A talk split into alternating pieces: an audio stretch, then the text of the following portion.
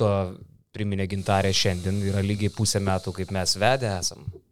Šiandien yra sukaktysimo. Eisit vakarieniaut? Rugsėjo 3 apsižanijom, ar lygiai pusmetis. Nu kaip su ta vakarienė, žinai, Momo grill kaip ir, kaip ir šviestusi vėl, bet pasirodogi gintarė man yra padovanojus e, spektaklį kažkokį. Tai eisim šiandien į Domino teatrą. Kur... Domino. Jo, jo, jo, kur Algis Ramanauskas sakė, kad jie vagė visus spektaklius, tai galimai į Voktą. vieną iš voktų eisim šiandien pasižiūrėti. Jo. Nu, ar liūdit labai, ar apsipylėt ašarom, ar išgyvenot, ar skausmas užlėjo širdį, ar dušę kraujavo? Ne. Tiesiog buvo perinktas kanalas trečio kelnių vidury. Gerai, kad galimybę turėjai. O tai jau tu negalėjai nustoti ten taukšti. Buvom ir apstoję po truputį. Jau. Aš tarp kitko esu komentavęs vienas rungtynės gyvenime nusisukęs. Uh, tai nebuvo kažkoks protestas, bet aš komentavau kažkada moterų lygos rungtynės ir mes su transliacijos gerbiamu kolega Luku Kulo, ai ne, su Kestučiu Aleksandраvičium. Kažkaip taip įsisiautėjom, ten buvo internetinė transliacija iš uh, Garliavos ir aš tiesiog nusisukau ir moterų lygos rungtynės bandžiau komentuoti nežiūrėdamas į aikštelę. Šiaip labai įdomus patyrimas. Ir, ir paskui žiūrėjau įrašą, visai neblogai sekės, nes, ats, nu, nes jos nepataikė į krepšį ir aš gana, gana gerai, nu, nušviečiau įvykius žiūrėdamas tiesiog į sieną, garliavoj. Bet čia nebuvo tos rungtynės, dėl kurių tave atleido, ne? Uh, Atleido. vienas iš tų. Ginelevič nepalauk. Kas, koks ten tavo konfliktas buvo? Tai aš tada kažkuriuose rungtynėse... Užsirūkėjai. Ja, yra. Saliai?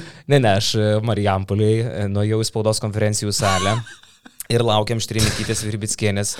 Uh, tiek turbūt pavardžių pas ją. Štrimikytės Virbitskienės ir kažkaip e, darėm tuo metu parodijas, kažkokias ten ar krapiką vaizdavau, ar Virbitskienę ir užsirūkiau cigarą. Nu ir atėjo Virbitskienė ir prirūkyta kažkaip. nu tai viskas, mano moterų, moterų lyga baigė su lik šitų. Liūdna buvo. Šau liūdna buvo iš tikrųjų. Tikrai. Jo, jo, liūdna. Bet apriekė tave, štrimikydė. Ne, Nepiktai. nepiktai, aš net nežinau, kaip tas paskui išėjo, e, kaip tas išplaukė į plačius vandenis. Ai, video įdėjom internetą. Prisidavėt. ja, ja, ja, ja. Jo, bet šiaip, bet šiaip liūdna. Aš taip, nu, ir man net buvo vienu metu gailu uh, Lekšo ir Višniausko, kad jie turi tai komentuoti, nes nu, tai yra tas atvejis, kai tiesiog tu, tu nebenori toliau žiūrėti tikrai. Tai Čia antrą savaitę išėlės buvo, bet kaip pernai visą sezoną tokį turėjai, tai gali pakentėti kartais, nėra tai blogai. Šiaip vakar tiesiog Barsa parodė, dėl ko aš rašiau tekstą savaitės pradžioje, kodėl jie vis tiek yra vieni iš favoritų laimėti Eurolygą. Nu, vakar realiai tobulą mačą sužaidė, jeigu neskaitant tų pražangų prie bonusų antram kelnytai, Žalgeris nieko nesusikūrė, pats palime du asistus padarė per du kelnius. E, Po to antroje rungtynių pusėje kažkiek ta Barsos gynyba ir atsipalaidavo, polimas tiesiog idealus. Ir negali sakyti, kad Kazis nebandė kažko keisti, keis- keitė ir gynybas, bandė stepautin, bandė viską išsikeitimo gynybas daryti, bet pradžiai, kai su šortrolais užatakavo žalgerį, laisvus metimus Barsai įsimetė, po to stepautus gražiai labai splitino. Tai, tai sakau, nieko negalėjo padaryti žalgeris ir tokia yra realybė. Šioje sezono stadijoje Barso turbūt artėja prie savo geriausio žaidimo. Mirotičius irgi atrodo po truputį tampa tas Mirotičius, koks buvo praeit, praeitą sezoną, o Žalgeris, nu vis tiek po Evansų iškritimo dar buvo ta minimali banga kelias savaitės, kai Žalgeris žaidė pakilėtas, bet dabar vis tiek nėra geriausia, geriausia Žalgerio versija, kokią mes matėm šį sezoną. Šiaip turbūt Barsos polimo pasirodymo būtų galima iškarpyti ir rodyti, kaip yra, kaip yra derinukai išpildomi, kaip, kaip jie nuostabiai išpildomi, kokios idėjos, kaip galima elementariai išvesti krepšininkai į gerą poziciją metimui. Sakau, jeigu kažkas užsiimtų vien šitom rungtynėm, ten turbūt galima tiek pavyzdžių prikarpyti, rodyti vaikams mokyklose ar treneriams universitete, aš nežinau, gal čia tikslesnis pavyzdys, bet iš esmės daugybė, daugybė tokio vadovėlinio krepšinio, kuris e, vykdomas pagal trenerio planą. Ir tuo pačiu galbūt kažkiek keista, kad žalgerio ta gynyba tokia, tokia kažkiek e, neįgaloka buvo. Bet vienas tas barsas derinukas jau net erzint buvo pradėjęs, kai vyksta pick and rollas, short rollas tiksliau, nusimetinėja koks nors Šanly, Veselis ar ten dar kažkoks aukštaugis kamuolį pastovi ant to kampo, kur Myro ar dar kažkas meta tą trajekėlį. E, Myro taip pradėjo rungtynės, paskui man tas jų derinys jau net sapnavosi. Toks įspūdis, kad mes jam gal net ir pasiruošę nebuvom, nes visą laiką krašte likdavo koks nors jų geras metikas. Tai čia tik tai vienas iš pavyzdžių, kaip Barsas gana lengvai susikurdavo situacijas. Bet tas vienas derinys, nuo kurio jie pradėjo pradėjo rungtynės, jau šiek tiek net ir į akį krito, kaip kad, na, nu, maždaug jie, jie kartoja tą, nes mes tam nepasiruošę. Atrodo, kad mus, mus kažkas čia nustebinė yra labai. Ja, vakar tikrą kliniką surengė Sikevičius, buvo pasiruošęs prieš visas žalgerio gynybas, stepautai buvo užatakuojami, kadangi tiesiog nespėdavo vienas žmogus pasislinkti iš pagalbos, kada šartrolindavo vienas, jo. o kitas iš viršaus aukšto ūgis likdavo dar viršui, tai vienas papildomas perdavimas, kai tu turi tokį kaip Veselį, kuris turbūt vienas yra geriausiai nusimetinėjančių kamolius aukšto ūgių į perimetrą, tai labai lengva taip išdarkyti žalgerio šitą gynybos sistemą, po to buvo tas derinys ir e, pirmo kelnio pabaigoje, man atrodo, kada iš Jendofo atėjo Jokubaitis su Mirotičiumi irgi gavo žalgeris tritaškį, Barsa šiaip šį sezoną žymiai žaidžia laisviau, kiek pastebėjau, tai nėra to akivaizdaus grūdimo į baudos aikštelę kamolių, taip yra to žaidimo, nes kadangi yra surinkti žaidėjai neblogai žaidžiantis nugarai krepštį, kiek kaip Kaliničius, Mirotičius išnaudoja savo pranašumus, bet nėra kišamas kamuolys aklai, kadangi perimetrė yra dažniausiai visi pataikantis daugiau ar mažiau žaidėjai, nebėra kalatės, o tai nėra tiesiog priversas Jasikevičius žaisti vien per baudos aikštelę ir dažnai derniai tiesiog prasideda, kad penki žaidėjai virš tritaškio linijos yra ir tas laisvumas automatiškai yra atsiradęs. Dzioptel. Įkalam, ką darysim. Jo, e, priminė šiek tiek tokios rungtynės senus gerus laikus, kai Žalgiris e, dar Petrausko komentuojamas vargdavo su visokiam Vitorijos tau keramikom, visokiais tai ten uh, užsienio grandais, kur nuvažiuoji ir, ir Ropkė jau kokiam antram ar trečio kelnio pradžioj jau pradeda tą savo, žinai, ir dar viena klaida, nu taip, labai faina. Ir ta Noka Berda nepataiko iš pokrepšio, tokia ironija atsiranda tam balse. Tai jau... Skaičiuoja šansus teorinis patekti į top 16. Ir aš taip... Abojumas darbui tiesiog. Abojumas atsirandantis natūralus. Ir man toks vat, bu, jau jausmas nemalonus kurį laiką, žinai. Mes jau trečias išėlės rungtynės pralaimim. Antras, ne? Į, po taurės. Barsa ir, ir Realas. Nes po taurės prieš taurę buvo prieš Baskonę pergalę. Antras pralaimim išėlės, tiesa. Ir nors vakar nebuvo minus 20, buvo minus 19, bet pagal visą vaizdą buvo verta būti minus 20. Ir iš esmės šį sezoną, net nesibaigus sezonui, likus dar aštuoniariam rungtynėm, jau keturis kartus Žalgris turėjo minus 20. Neskaičiuojant, sakau, vakar. Pernai per tą visą tragišką sezoną buvo du tokie kartai. Metai prieš tai Šilerio sezoną patį pirmąjį buvo keturi kartai. Vadinasi, yra dešimt kartų per nepilnus tris sezonus, dešimt kartų, kai Žalgiris Eurolygoje pasiėmė minus 20. Dabar paimam visą ketverių metų Šaro istoriją Žalgiryje, neskaičiuojant to pirmo pussezonio, kuris jisai perėmė pusiau luptą, pusiau skustą komandą. Spėkit, kiek per tuos ketverius metus buvo kartų, kai Šaras su Žalgiriu pralaimėjo 20 ar daugiau taškų. Tai tikrai... Per ketverius metus ja. 20 ir daugiau pralaimėjo, sakyčiau, 7 kartus. Okay. Sakyčiau, 4. Nustebinsiu 2. Okay. Vienas tikrai atsimenu playoffuose prieš Fenerį buvo. Prieš Fenerį playoffuose vienas kartas, kitas kartas nuo Baskonijos 20 taškų pasėmė čia prieš kalėdą ar po kalėdų aplink tą šventinį periodą Kaune, kur irgi labai stipriai pralaimėjo. Du kartai, du pralaimėjim, kada buvo 20 taškų arba daugiau. Tai man šitas e, faktas kerta per galvą, skaičiuojant, kad sakau, kad jau dešimtas kartas per pastaruosius tris sezonus, kai Žalgiris po šarą pasėmė 20 ar daugiau. Mm Ir aš nežinau, šiaip nu, ši, ši, čia gali ieškoti kažkokių tai pasiteisinimų, pagodo žodžių. Tas pats Šaras po rungtynių, kur Lukutis mūsų nuvažiavęs, nufilmavo ten visus tuos intervus irgi tarsi, žinai, ir gyrė, ir palaiko, reikia suprasti, kad Žalgiris čia buvo nukraujavęs taip toliau. Bet, nu, iš esmės matom, kad, nu, labai, labai, labai, labai, labai daug buvo padėta ant Kinono Evanso. Ir jam iškritus, tas kortų namelis žiauriai subirėjo. Tai ką, Zilauk? Nu, ne Kazilauk, ne. ne Kazilauk, bet e, pernai Žalgiris neturėjo įžaidėją, šiemet jau sako, nu va dabar jau paimsim ir tikrai sumokėjo solidžią pinigų sumą Evansui, kad jį atsivežtų. Bet ir tas pats Šaras, bet interviu pasakė, nu, šitos dalykus reikia planuoti. Tu negali numatyti, kad kažkam trūks Achilas Bet reikia tai planuoti. Ir Šaras turi tą patį pavyzdį, kur Miro trūko Hilas ir lygiai taip pat Barsas žaidė be Miro. Aišku, Barsas savo gali leisti žymiai, žymiai, žymiai, žymiai daugiau visko. Bet, bet kaip komanda tampa tokia beveidė ir net atrodo, kad Neurolygos lygio praradusi vieną žaidėją, kažkiek neramina. Neramina mane tai Aizėja Tayloras toliau. Aš jau praeitą savaitę užsiminiau, dabar dar kartą patį pakartosiu, nežinau, lekš ir tau vėl nekrito tas siekis. Net, net ir tai vyko tam pačiam pirmajam kelinį. Jo prasiveržimas į kairę pusę, į žaidėjų būrį, ir dairimasis į teisėjus po to, kai nieko nepiešiai, nei pažangos, nei taškų, bet eini primityviai ieškai tos, tos pažangėlės. Jau paskui, kai Barsas šiek tiek atsileido, jau kai turėjo pranašumą, keli Tayloro prasiveržimai pavyko, bet uh, uh, pati pradžia vėl tokia pati. Man tas jo primityvumas atrodo, kad Eurolygoje vis dar yra per didelis. Yra tas neskaitimas situacijų faktas. Ir reikia suprasti, kad Tayloras realiai pirmosios sezonas Eurolygoje, o Nadolafis ten nieko nežaisdavo. Uh, Tai bet kai tu prarandi tokį žaidėją kaip Kinanas Evansas, laimė Žalgiriui pasisekė šį sezoną pasimti Kinaną Evansą, o ne Neitą Waltersą, kas buvo ilgą laiką kalbama, jeigu būtų Neitas Waltersas, tai suprantame, kas, kas būtų antrą sezoną pailiui.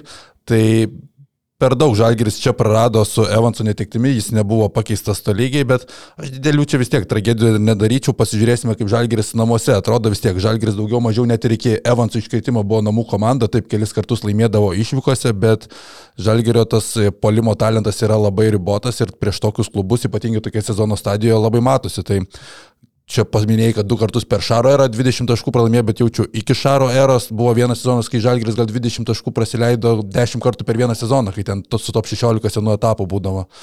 Tai nu, žiūrėsime, nes kitą savaitę kertinė, aišku, čia žmonės lanksto pirštus, ką reikia nugalėti, kitą savaitę Alba ir Asvelis tai būtini varžovai, kuriuos Žalgiris turi nugalėti kovom dėl atkrintamųjų, bet kai Žalgiris du kartus per sezoną pralaimi prieš Panatinaikos, tai ką tu čia belankstysi, čia visai gali būti šiemet su, su Kauno klubu. Alba ir Asvelis dvigubą savaitę, ne? Jo.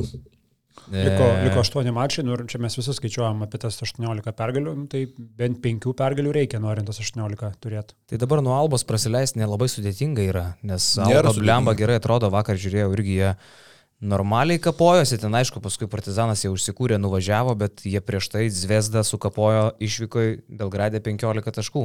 Jie visai simpatiškai atrodo, turint omeny dar kiek ten traumų turi, vakar vėl Belamerso žaidė nekalbant apie ten darbų ir kitų žaidėjų, žinai. Mm, su jais bus labai sunku išvykoje. Nu, iš aštuonių. Jeigu aš su Kleiza šiandien dieną, jeigu dabar daryčiau stavkės ant tokios nutaikėlės, tai sakyčiau, kad mes pralošim Albai nenustebintų tikrai, bet liko 8 mačai, 5, 5, 5 namų rungtynės, ekstra taškas, čia nesakyčiau ne ekstra taškas, bet prieš Alba vis tiek išvykoje reikia būtinai laimėti, jeigu tu galvoji apie atkrintamasis, bet aš apskritai sakyčiau, šansų, kad Žalgeris tos 5 kartus laimės per likusius 8 mačius, jeigu reikėtų sakyti procentaliai, tai sakyčiau koks 40 procentų, žinai. Mm. Bet kad to, už, kad Žalgeris vis pateks į atkrintamasias, aš sakyčiau 20 procentų, kadangi nemanau, kad 18 pergalių užteks. Aš kaip žiūriu, kaip viskas dėliojasi ir žinant Žalgerio e, minusinius pranašumus prieš tas kertinės komandas, man atrodo, kad iš Kauno perspektyvų tai reikės 19 pergalių, nes mes turime minusą nuo daugelio iš tų tiesioginių oponentų. A, kaip jums vakar patiko ta e, himna, kaip atliko Barcelonos vaikai su kažkokiu tai Freddy Merkuriu? Bet jau čia ne pirmą kartą labai gražu man. Improvizuoja. Aš mačiau bent, bent vieną, gal ir, nu, vieną tikrai kartą mačiau ir prieš tai kažkuriuose rungtynėse, kad tas gimnas buvo taip įdomiai sugėdamas. Ja. Net vaikai mano atbėgo iš vaikų kambario, sako, su kuo čia žaidžiam, sakau, su Barcelona. Tai kaip barsukai, sako. Sakau, mano, mano pavadinimas vis laik barsukais. Ja. Bet šiaip, e, kaip tik kalbėjom su ryčiu, kai dainavo tą himną, gražiai atrodo tikrai. Gaila, kad Žalgiris neturi kažkokio gero himno, kurį galėtų prieš kiekvienas rungtynės e, dainuoti Pažiūrytas tikrai turi tokį himną, kurį būtų negėda irgi prieš kiekvieną mačą gėdoti, o pas Žalgerį tai ką tu gėdosi, kad būtų Žalgeris? Taip. Kad su, būtų pergalių. Su Arina. Ir tų pergalių kaip... Su Karina Kvašniova. Tų pergalių kaip nėra, taip nėra. Žinai, kai šitą himną girdi, tai labiau apie pralaimėjimus pagalvoji. jo. Žinai, tik iškart po to himno rytis Višniauskas nesąmonę pasakė. Kokią? E, jis pasakė, kad e, Vidas Ginevičius 2005 metais, kai suvarė Barceloną, vienas pats, nu ne vienas pats ten, jie šešiese, septyniese drožė tose rungtynėse. Tai jisai buvo savaitės MVP. Nebuvo, ne? A, a, no, no, no, no. Vidas Ginevičius surinko 29 balus, tai yra jo karjeros rekordas. Čia prieš kiek čia metų? 18 beveik. Bet, tose, bet tą savaitę E, Jam trūko 26 balų, kad jisai būtų savaitės MVP. Oho. Nes tą savaitę savaitės MVP Jaka tapo. Marko Popovičius. Popovičius, Okay. okay. Po šiai dienai tai ketvirtas geriausias visų laikų Eurolygos rezultatas. Tuo metu tai buvo trečias. E, Jisai surinko 54 balus Popas. Vat būtent tą savaitę. Tai buvo irgi istorinė savaitė. Cibonas žaidžiamas. Žaisdamas į Boną jo prieš studentės dar šiandien vat, pasitikrinau. Nes taip irgi Višniauskas pasakė, Vidas Eurolygos savaitės MVP. Fa, galvoju, ne. Mane irgi šitas išmušė, aš galvoju, wow. Tai reikėjo prieštarauti. Reikėjo, Aš nebuvau tikras, kad... rėkt. Aš nebuvau tikras, kad... Abejoju. Aš šito... Abejoju. Pala, pala, pats. Aš turiu abejonę, bičiuliai. jo, jo, jo. Tai va, o šiaip tai čia buvo, aš taip mėgėjas, mė- mė- mė- mė- mė- mė- mėgėjas, mė- mė- mėgėjas, tas istorinės perspektyvos. Tai buvo 35 e, Žalgirio ir Barcelonos rungtynės apskritai nuo 2000 metų, kai jau visas tas užsisukęs šūdas. Ir aš galvoju, jums net... Visą. supranti, Paėmė ir atveža. Šitas cirkas. Aš galvojau, jums net kelis klausimus pateiksiu, kad va taip ir smagiau ir jums būtų tame podcast'e sėdėti ir žiūrovui linksmiau. E, Ar žinot, koks lietuvis vakar e, dalyvavęs šitose rungtynėse e, buvo ir pačiose pirmo, žaidė net, nu jo, žaidė pačiose pirmosiose Žalgirio ir Barcelonos rungtynėse ever apskritai istorijoje. Ever istorija, tada čia žymiai seniau. Čia yra fantastika. Vakar dalyvavo tame mače. Gintaras. Gintaras Krapikų 1985 metais pirmą kartą istorijoje, apskritai, čia gal net tokia Alfredo Bumblausko rubrika galime įvesti, žaidė Žalgiris ir Barcelona ir tai buvo Europos taurės finalas. Tu su Šliku konsultavaisi? Šitas- Mes šitas su Šliku komentavom rinkdamas? šitas rungtynės. Okay. Taigi- Ten buvo pačios pirmos. Taip? A. pačios Ai, ten, pirmos. kur apie tą perdimą šiandien parodyti. Jo. Vaidėkim šitą vietą. Bum. Žodį. Taip, prašykite atsiliepimus, pageidavimus, kas buvo gerai, kas bus blogai, kokių rungtynių norite pamatyti ateityje. Ir su mes, su Karoliu Tiškevičiu, šį, šį reportažą baigiame, atsisveikiname, iki kitų susitikimų. Čia pavyzdėjai? Taip, šlikai išmušti iš vėžių irgi nėra uh, lengva. Ir pasirodo, kad Barsai tai yra istorinės rungtynės lygiai taip pat, nes tais 85 Barsa su Žalgiriu pirmą kartą žaisdama iškovojo pirmą savo europinį trofėjų klubo istorijoje. Tai buvo Europos taurė, Žalgiris pratratino. E, tai va 35 rungtynės nuo 2000 metų, skaičiuojant tokią modernę Eurolygą, ir, nu, pusiau modernę. Ir, ir įdomu tai, kad vien nuo 2015 metų mes su Barsa sulošėm 17 kartų. Reiškia, jau arti, e, prasidėjus e, kitai erai Eurolygos, kada visi su visais jau pradėjo žaisti, pusę rungtynių sužaidėm iš tų 3-5 nuo 2015 metų. Tai vad kas yra įdomu, Vido Ginevičiaus tas mačas 2005 metais, kai Žalgeris laimėjo ten fantastinės rungtynės, Vido 29 balai, Pasiūstas teisėjas Andriuškevičiaus bairį. Andriuškevičius, kaip sakė Robertas Petrauskas, šekit, įsijimkit, dėjimas iš viršaus, mes ten laimėjom šešiese iš principo, septyniese. Ir po tų rungtynių Žalgiriui pergalės prieš Barceloną reikėjo laukti 11 metų. 14 pralaimėjimų iš eilės, buvo įsivaizduojat virimbai. Tai aš atsimenu, atvažiuodavau Navaroje Kauno sporto halį ir tu žinodavai, kad 30 taškų išsims ir grįš ramiai katalonai. Nu, taip, taip. O vat jau nuo 2015 e, pasipylė pergalytės. Mes iš tų 17 rungtynių nuo du- nuo 2015 metų laimėjom prieš Barsą šešis kartus. Tai mane tas visai džiugiai pamalonino ir maloniai pradžiugino, nes mes e, realiai laimim per paskutinius taip aštuonerius metus, kas trečią, netgi kartais kas du su pusę uh, mačą. Uh, kas du su pusinta mačą. Va. O dabar aš jums turiu kvizą. Pasiruošę? Pasiruošėm. Bet tai čia kas pirmas, tas ir gudrus. Vsio, važiuojam. Bet aš jau turiu tašką už krapiką, ar dar ne? Turi. Ačiū. Roland Schmitz e, tiesiai iš Barsos perėjo į Žalgirį, o kas e, buvo pirmas toks žaidėjas tiesiai iš Barsos perėjęs į Žalgirį? Iš Parsos žalgirį. Yeah. Mm, mm, Tiesiai. mm, au.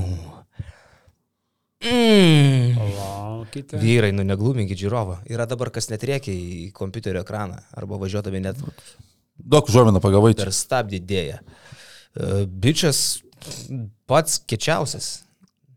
Pats kečiausias. Šaras yra, taip. taip. Šaras? Yra du, Šaras, du tiksliai. bičiai, kurie tiesiai iš Barsos atėjo į Žalgį. Po 12-13 sezono į Žalgirį 13. Ja, ja, užbaigti čia savo. Ne, visų- 2 jo. Taip, atlikti taip vadinamą krepšininkų eutanaziją atėjo į... Jo, tai va. e, Vienas, vienas. 2-0. Ai, 2-0, sorry. Taip. E, vyrai, tik nežiūrėkit man į kompą. Dabar yra rimtesnis klausimas. E, jūs turit pratesti seką. Rokas Jokubaitis, Nigel Hayes, Brandon Davis, Kevin Pangas. Ir kas dar?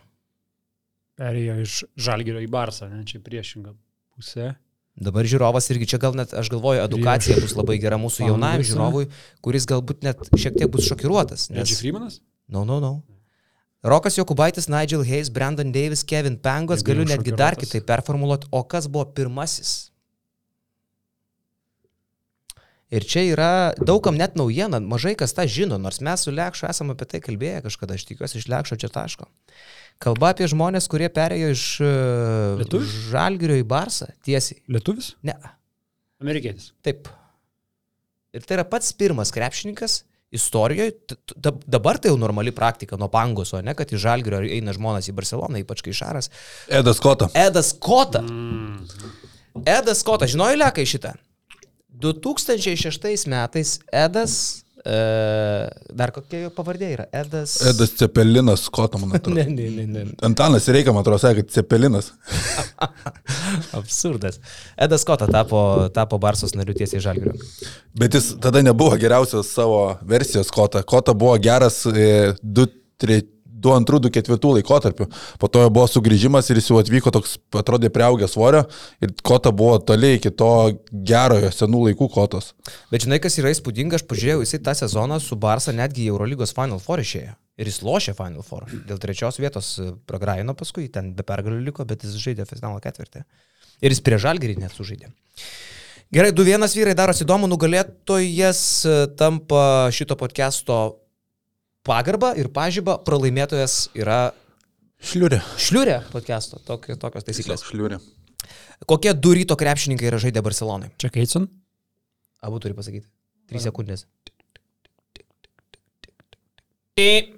Ir. Raisas. Taip. Bravo. Gavau, šliurė esu. Esu šliurė. Trys vienas dar turi šansą. dar tu yra klausimų. Yra Kiek, klausimų dar. kiek turi klausimų? Du klausimai dar. O. Tai gali būti lygiosios dar. Taip. Dabar lekšai uh, tau arba gyvybė, arba mirtis. Kuri LKL komanda be žalgerio turi žaidėją, kuris yra rungtynės Barcelonoje? Mm-mm. Mm-mm-mm-mm. This is big quiz. Žalgeris turi Rolandą Šmitą. Žagaras nežaidė Barcelona. Žagaras nežaidė Barcelonoje. Ir pagrindinį komandą turėjo Ir žaisti. pagrindiniai žaidė ir net Eurolygui, ir net prie Žalgirį. Lietkabelis Penu. Panevežė Lietkabelis, Stefanas Peno, Jonas Miklovas, mažai kas tikėjosi. Solidu. Solidu, iš tikrųjų. Solidu. Solidu. Ir žinokit, aš dabar jums pasakysiu. Stefanas Peno yra pataikęs vieną tritaškį Eurolygoje savo karjeroje. Prieš Kauną žaidžiu. Čia mane tas suglumino. Ir paskutinis klausimas, arba gali būti sutriškintas 5-1, kas yra iš tikrųjų jau padugnės lygis, arba gali sušvelninti, kas būtų normali šliurė. Mhm. Barcelonoje žaidė du Latvijai - Roland Schmitz ir... Jaunas, ne? Vetsvag, ne, ne Vetsvagars. Uh, Janičen? Ne. Ble, Koks jaunas. Bliamo kaip nedirba galva šiandien. Ai. Nepasešniks. Ne. Bet jaunas. Šveciniks gal žaidė. Bet šitas yra NBA, Brooklyn Nets. Mm. Mm. Kuručias? Jo. Kurčas. Okay. Tai 5-2 sveikinam. 4-2. 4-2, o Pašesniks nežaidė, ačiū Dievui, nes galvojau, pramazinau. Rodijons Kuruč. Tai va, tai tokia mini istorija. Šiaip uh, su Barsa mes turėjom daug įsimintinų rungtynių, vakar tikrai nebuvo vienos tokių, bet uh, man toks šiek tiek, žinai, apmaudus faktas, kad uh, Barcelona turėjo du sezonus net, du lietuvius. Buvo Karnišovas ir Šarūnas Esikevičius. Ir aš blemba, aš kažkada dariau protmušį apie Karnišovą ir man Karnišovas su Barsa yra toks liudesys. Karnišovas atėjo į Barsą pačiam savo karjeros pike, žaidė du savo sezonus, abu kart žaidė finale ir abu finalus pralošė. Tada išėjo į Eurolygos čempioną Olimpijakosą, į čempioną, ką tik laimėjusi. Nieko nelaimėjo. Karjerą Karnišovas irgi baigė Barcelonui. Barcelonui. Nelaimėjo nieko, Ir kai tik jisai baigė karjerą, kitą sezoną jau Šaras vienas pasilikęs laimi su Barsa Eurolygė. At man Karnišovas ir Barsa yra dvi liūdėsio ašaros. Aš šitoj temui beje lieku, tu čia labai gražu, gražu padarai perėjimą apie Karnišovą ir a, Jasikevičių. Dar trupučiuką pridėsim retro, čia dar ne paskutinis retro, kas šiandien yra. Mes pratęsam savo kiemo labai a, puikią šios savaitės laidą, kur Gedrius Šlikas pasikapsinėjo papraeitį. Aš pasikapšiau po krepšinio žurnalus. Krepšinio žurnalai mano kartai yra iš esmės Biblija, Parodyk. naujieji ir senieji testamentai. Dar iki to prieisim. Ten yra, ja, tai žodžiu, didžiulė pagarba visiems kūrusiams krepšinio žurnalą. Man labai nustebino faktai, du įdomus. E, Du pirmais metais, 2000-2001 sezoną, uh, teisingai sakau, jo, ar 2-1-2-2, gal 2-1-2-2 dabar pas pasimečiau. Pirmų ar antrų Sakyk- Karnišovas baigė antrais metais karjerą, ne? Taip, Tai 2-1-2-2 sezoną paskutinė pabaigoje.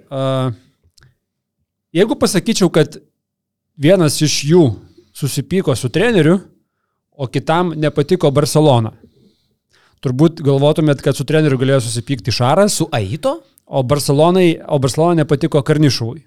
ar su Pes, Pesa? A, Su Aito. Aito. Jo. Tai turbūt jeigu pasakyčiau, kad va, buvo du lietuviai, ne, vienas iš jų susipyko su treneriu, kitam Barcelona nepatiko. Nesakyčiau, nes, e, nes e, dar dabar Šaras apie Aito labai gražiai atsiliepia, o apie Pesičių niekada. Okay, Tai, tai va. dur, sakyčiau, spėčiau Karnišovą. Jo, tai įdomiausia, kad vat, Karnišovo uh, ta pirma atkarpėlė Barcelonai pasibaigė dėl to, kad jisai susipyko su Aitu. Įsivaizduojat, Karnišovas, tas toksai dabar, kur mes jau žinom, diplomatas, tvarkingas, renkantis kiekvieną žodį ir taip toliau. Pasirodo, jisai Geras. sugebėjo savo tą pirmą uh, atkarpėlę Barsoj pasibaigti uh, dėl konflikto. Ir va tuo metu, kaip jisai kalbėjo krepšinio žurnalui, Sako, konflikte su Aito buvo ir mano kalties, e, kai kurie jo sprendimai man tada atrodė abejotini ir aš su savo kritika patekau į žiniasklaidą. Dabar manau, kad visiškai be reikalo. Reikėjo santykius aiškintis klube, o ne per Čia laikraščius. 97 ar jau 22? Čia 97. Tai čia pirma atkarpa, Jo, ta, pir- pirmas. ta pirma Mhm. atkarpa. Jo, Jo, jo, jo. Tai Karnišovas, sakau, kurį mes visi žinome, ne, jau tokį džentelmeną viską. Jisai pasirodo per laikraščius, susipyko su Aito ir pasibaigė tą jų pirmą atkarpėlę. Bet Aito žmogus nepiktas, po kelių metų, vat, kai Karnišovas pakeliavo po Graikiją, Italiją, paskambino Karnišovui, sako, nu, dar pykstamės? Ne, nesipykstam. Gerai, parvažiuok atgal. Ir parvažiavo. O Šarui tai buvo pirmas sezonas Barcelonui ir Šaras atvažiavęs po Liublianos. Tame tekste, vat, kuris buvo spausdamas krepšinėje, Šaras a, nostalgiškai kalba apie Liublianą, apie Zbago Zagadiną, kaip jam ten patiko ir mažas miestukas ir visa kita. Ir aplinka, ir sako, išvažiavau iš Liublianos tam, kad ilgiau žaiščiau Eurolygoj. O pirmais metais Eurolygoje iškritom anksti, o Liubliana žaidė žymiai ilgiau negu tais metais žaidė Barsa Eurolygoje. Mhm. Ir Šaras nebūtų Šaras, jeigu jisai uh, nepavarytų ant komandos draugų, kad jie nežaidžia komandiškai. Vėlgi, žinai, tais, tais laikais, va, tu pa- pakalbėdavai lietuviškai spaudai ir turbūt buvai tikras, kad nieks to neišsivers, tai tu galėjai žymiai drąsiau kalbėti. Tai Šaras jau po sezono, uh, po pirmojo Barsai sezono kalbėjo šitaip. Čia kiekvienas žaidžia savo ir už save, o ne klubui. Visi žymus, visi vienas už kitą geriau žino, ką ir kaip aikštelėje reikia daryti. Pabandyk su tokiais žaisti kokį derinį. Čaras, va taip, kalbėjo Pauliui Jurkevičiui, savo. to straipsnio autoriui. Paskui perklausė a, Paulius Jurkevičius, ar nebuvo kokių konfliktų dėl to tarp Šaro ir kitų komandos draugų. Šaras sako, cituojama čia yra taip, kad sučiaupė lūpas, kurį laiką patilėjo, paskui burptelėjo. Teko čia su vienu santykius pasiaiškinti. O geras. Galim tik įsivaizduoti, kaip tai atrodė. Šiaip įspūdinga, kaip atvirai tuo metu šnekėdavo visi. Ir dabar kaip to nėra realiai. Šiaip tai turėjo būti nelengva tuo metu atstovauti Barcelonai dviems lietuviams, nesvarbu, bet kokiam užsieniečiui, nes ten dar ta is, labai ispaniška Barcelona, Delefuentes, Sados, Duenijas. Duenijas, Navarro, Markasol. Dar nebuvo Marko, tada Pau ten buvo. Ateidinėjo, ateidinėjo. Uh, Ir kas įdomiausia, va, žinai, tu užsiminėjai, kad... Pau Gazol, Mark, Jo. Mark vėliau, 26 ten 7. Ja. tu užsiminėjai, žinai, kad a, Karnišovas išvyko. Įdomiausia, kad kai šitas tekstas buvo darytas, jis buvo darytas tik po Ispanijos šių metų pabaigos, jie tapo Ispanijos čempionais, nugalėjo Realą. Ir abiejų paklausė, kaip įsivaizduoja, kaip, kaip toliau liks. Šaras pasakė, nežinau ir viskas. Bet paskui rašo pats teksto autorius, kad e, Jasikevičius abejoja dėl savo noro toliau žaisti Barcelonoje. Jasikevičius pats abejoja. Ta prasme, tai straipsnio autorius nu, pats įgarsino savo žodžiais, necituodamas Pirmais Šarą. metais dar. Du, du antrais. O apie Kardišovą, paklaustas, ko pats savo linkėtų, nebejojo nie akimirkos pasilikti čia, Barcelonoje. Jeigu jis du antrais taip kalbėjo, tai po antro sezono savo Šaras taip kalbėjo, ne? Po pirmojo. Tai tada du pirmais, nes jo pirmas buvo du- 2021. Jo, tai reiškia Taip, po pirmo. taip. Jo, jo, jo. Ok, ok. Tai reiškia, čia turėjo būti jo, du Mhm. pirmieji, sakau, nes man du pirmieji strigo. Tai, Taip. tai man labai du dalykai, sakau, strigo. Tai, kad uh, susipyko Karnišovas su, su komandos treneriu, o ir vad besibaigiant tam sezonui, pasibaigus jam labai skirtingai matė savo ateitį ir dabar žinom, Šarui Barsa yra top, top, top, ne, o po pirmųjų metų Barso jisai labai nebuvo jos pamėgęs. Geras. Tarp kitko, Roberto Duenesas, e, maksimali legenda Barsos, dar man kažkaip įstrigė, aš blemba kažkada žviegiau, net kanete atrodo perskaitęs tą straipsnį, kad jį kažkas tai surišo po karjeros pabaigimo ir apvogė. Aš blech, aš iki, kažkaip tuo metu man atrodė labai neįtikėtina. Halkas. surišt du- 225 žmogų.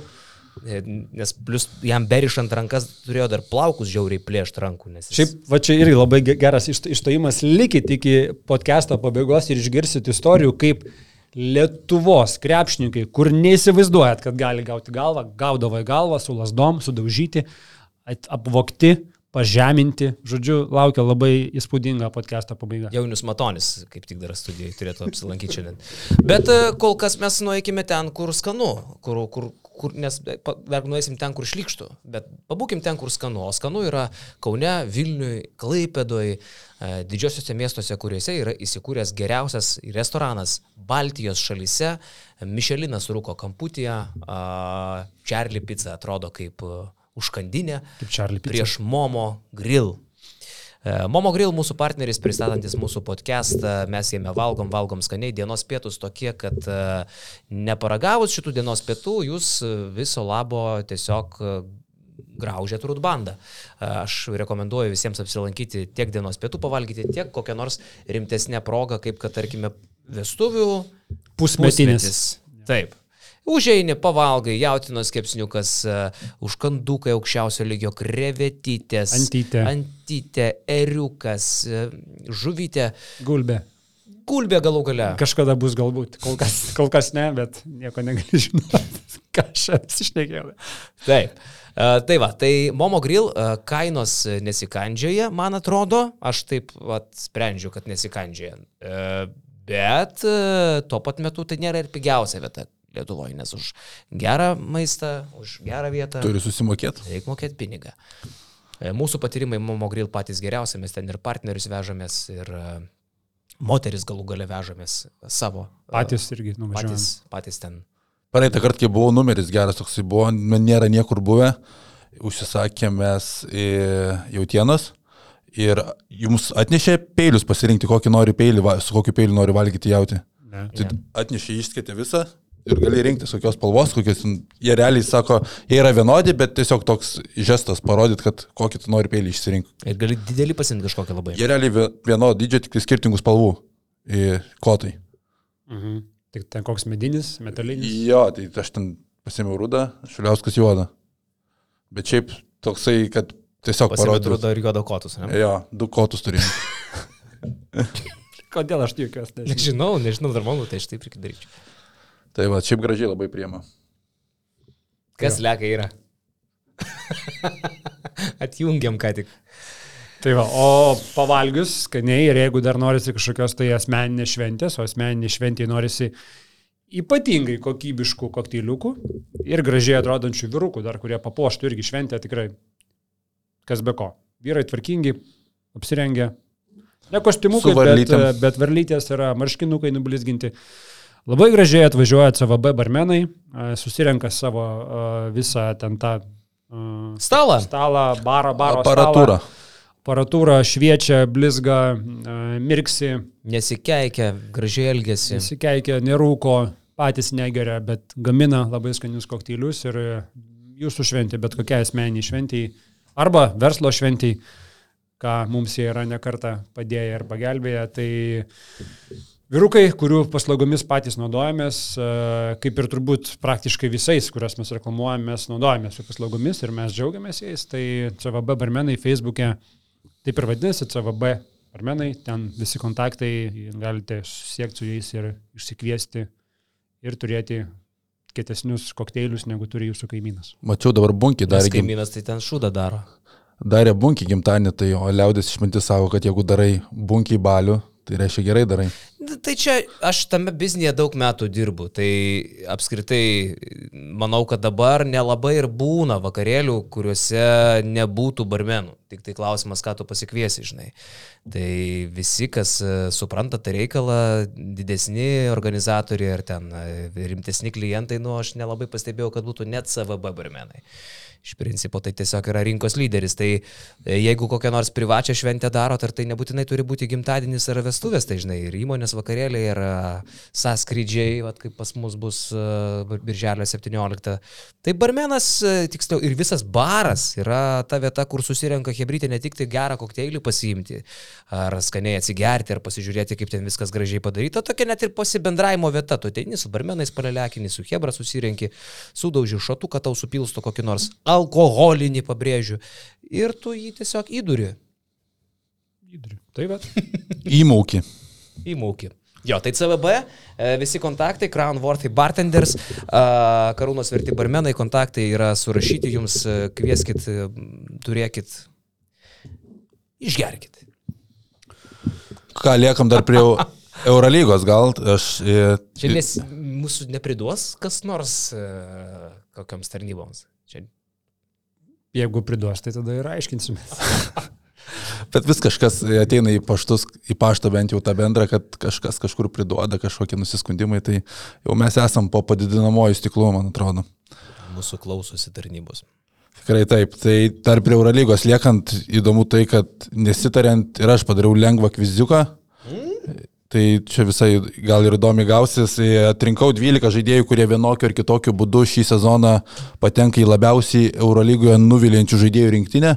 Iš vienos pusės, iš kitos stengiausi labai trumuotų neimti, bet tiesiog nepateisinančių lūkesčius. Tai yra dvyliktukas ir aš juos suparavau visus randominė tvarka, šešios poros ir tie dvylika žaidėjai bus išdalinti į, į šešis klausimus, pen- penki klausimai, vienas teiginys, kur turėsit pasakyti, kuri, kuris tai žaidėjas. Tai e, ta rinktinė yra Lukas Lekavičius, Devonas Holas gynėjų pozicijoje, atakuojančių gynėjų Hillardas Kūričius Grigonis.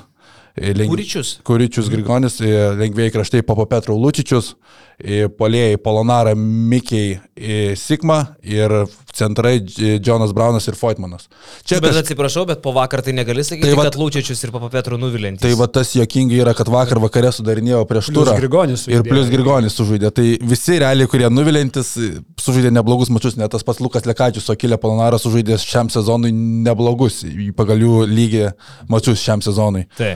Bet okei, okay, važiuojame, čia lengvi klausimai, e, vie, čia turėsit pasakyti tiek vienas, tiek kitas. Platai mes pasirinkimai. Išgirdom, tik mums iš tų reikia. Ir čia ir aš duosiu iš karto, kuriuo žaidėjų suparavau. Ir čia bus pirma para Lučičių su Sigma ir klausimas yra, kurio naudingumo, naudingumo balo vidurkis krito labiau lyginant su praėjusiu sezonu. Sigmos. Taip, aš irgi rinčiausi. Neteisingai. Lučičiaus nuo 14,2 iki 9,8. 4,4 balo, Sigmos nuo 14,1 iki 11,6. Tai Sigma dar palyginus mažai krito, nors matant, kaip jisai dabar žaidžia, tai ta didžioji dalis e, pakelta sezono pradžiai buvo. Tai vienas trim, kitas keturiais nukrito. Jo. E, Čia realiai identiškas klausimas, sekundžių, sekundžių skirtumai bus, E, bet mane tas nustebino, nes atrodo, kad vienas tikrai gali būti, kad daugiau žaidžia, bet taip nėra. Tai kas vidutiniškai praleidžia daugiau laiko aikštelėje? Lukas Lekavičius šį sezoną ar Marius Grigonis? Lekavičius. Daugiau laiko aikštelėje? Jo. Nu, tai jeigu tave nustebino, tai bus Lekavičius. Lukas Lekavičius aikštėje praleidžia 16 minučių ir 3 sekundės, Marius Grigonis praleidžia 16 minučių, 3 sekundžių skirtumas, bet e, Lukas Lekavičius turi prastesnę statistiką negu Grigonis, 6,1 taško 5,2 naudingumo balo, dvigubai prašiau negu pernai, Marius Grigonis netaip ir prastai, kaip ant skaičių žiūrint, 7,6 taško, 6,1 naudingumo balų, bet bet kokiu atveju Grigonio tas sezonas nusivylimas būtų, nes tu atvykai kaip lyderis būti į komandą. Man tai Grigonis nebūtų joks nusivylimas, jeigu jis tik sveikas, gyvas išeitų iš šito sezono ir nepasitvirtintų gandai apie tai, kad jo nugarai yra šabaš. Šabazas Neiperis, kad yra jo nugarai. Nes jeigu, jeigu jisai pasveiks ir, o vakarykštės rungtynės gal jau kažką signalizuoja, kad jis gali atsigauti su 23 taškais, ten, e, 23 naudingumo balais baigė, ne? Tai, tai man bus geriausia žinia ir viskas. Ir aš ramus savo einu tvarkingai atostogauti, išvažiuoju į pajūrį, kur tėvelis neprižiūri. Ir man dzin. Turbūt neįsivaizduojama, aš matau vieną kryptį vasarą Grigonį, Kauno Žalgeris, jeigu tik sveikas. Nu kur kitur dabar, Nu, tai Eurolygoje? jeigu jis užloš galą, tai gali būti. Jam aštuoni mačiai liko šį sezoną, tokiame Na, jo, pavo, jo. Jo. Tai gerai, man tai aš tai už. Aš pasirašau. Gerai. Kokius pinigus? Už 4 pem. Keturis pem pasirašai? Ne. O Grigas. Jeigu sveikas Grigas. Už keturis pem Nu, pasirašai. jeigu jisai taip tokį, po tokio sezono, tai jo rinkos kaina tokia. Bet Broli, kas jam daugiau mokės? praktiškai tu turi dvigubai pasimažinti atlyginimą. Bet tai jisai dvigubai jisai ir pavo lošia, 8 ne- pem ne kokius pinigus tuos. Jo, pavo apie 8 pem gal. Nu, Žinai, kas šiuo metu jam duos, duotų. Europoje, nu gerai, sveikam, Bet žinai, Žalgiris Nu, mėgsta. 600 Europoj. Žalgiris, Tai žalgiris bet tai mėgsta Europoj, be jeigu- konkurencijos atlyginimo pakelti, nelabai su kažko konkuruoji, tu tiesiog užmeti, nes lietuvis ir užmeti. Tai Bet kaip daugiau. sakė Jonas Mačiulis, jeigu aš Lietuvoje gaunu 150k mažiau negu užsienį, man apsimoka žaisti Lietuvoje. 105 k. Nu tai jeigu tau duoda kitas 600, tu gali duoti 4 pem. Štai niekada nežaidė Lietuvoje. Jonas? Nu jo. Tai Žalgeris sulūžusiam strelniukui pusę milijono galėjo mokėti. Tai Tai mes turim tų babkių, koks mums skirtumas. Mes galim, Galim tikrai mes galim pasimėtyt. turi reabilitaciją padaryti. Kokias ir mums Grigonį problemos? padarysim pas Gudą. Ir trumpitską, žinai. Žinai, žalgerio šūkis yra mes žalgeris, mūsų nepis.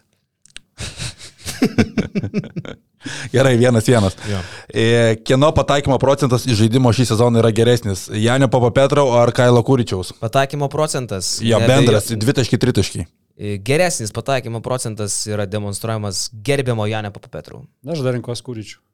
Gerai, Papapetrau šį sezoną patakė 49 metimus iš 131, 30 Karjera- 37,4 procento.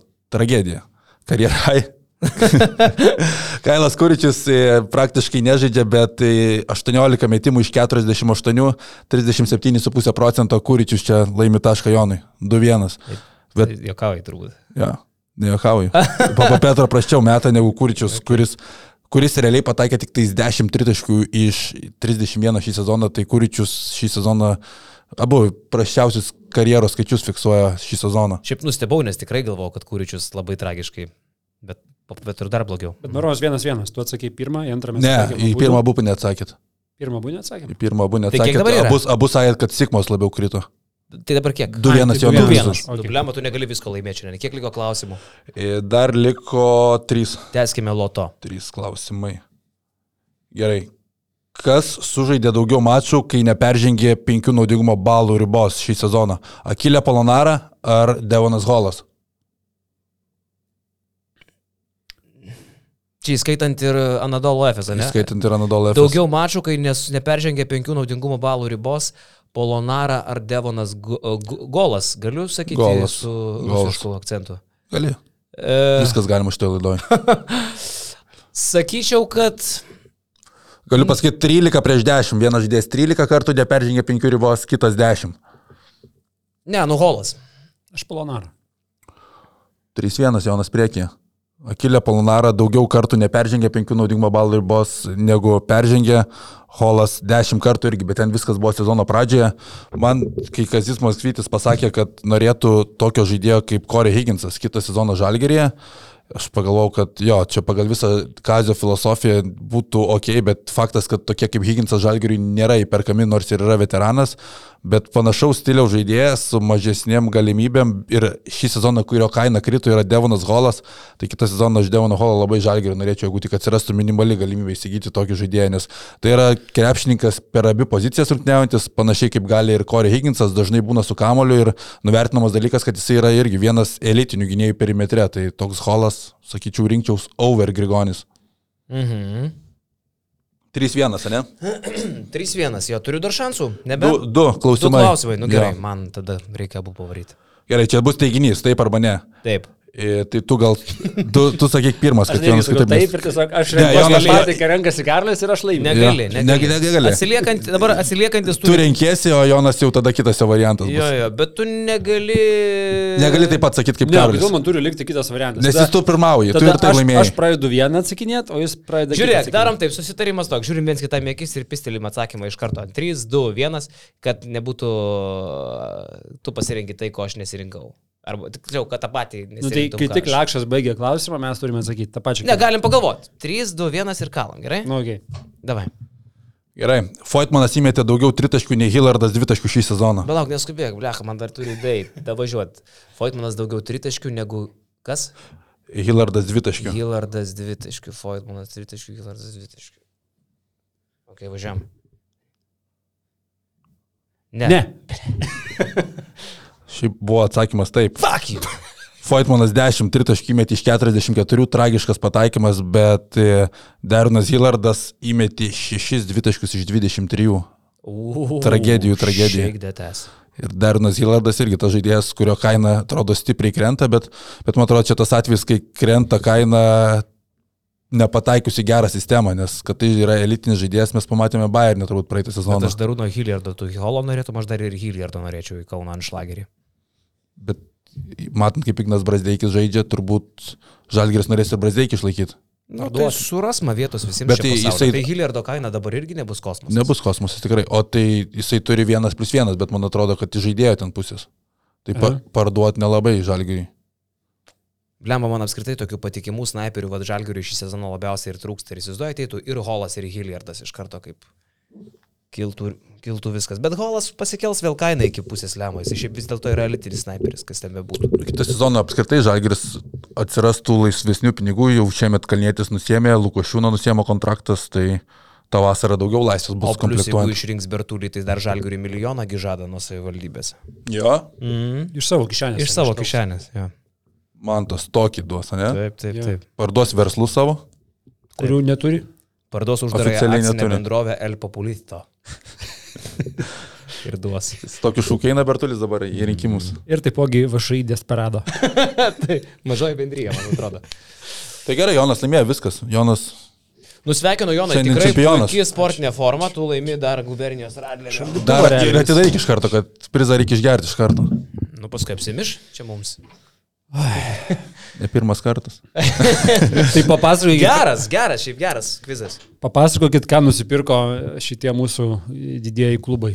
Rytas ir Nu, Bulsai. blembo, tai šiaip tai abu rimti žai- žaidėjai. Aš nežinau dėl to Makolomo būdo savybių, ane? nes apie, apie tai suprantu daugiausiai įtarimų, kuomet jis išėjo, ryto naujokas gynėjas, kuomet jisai išėjo iš Vokietijos klubelio.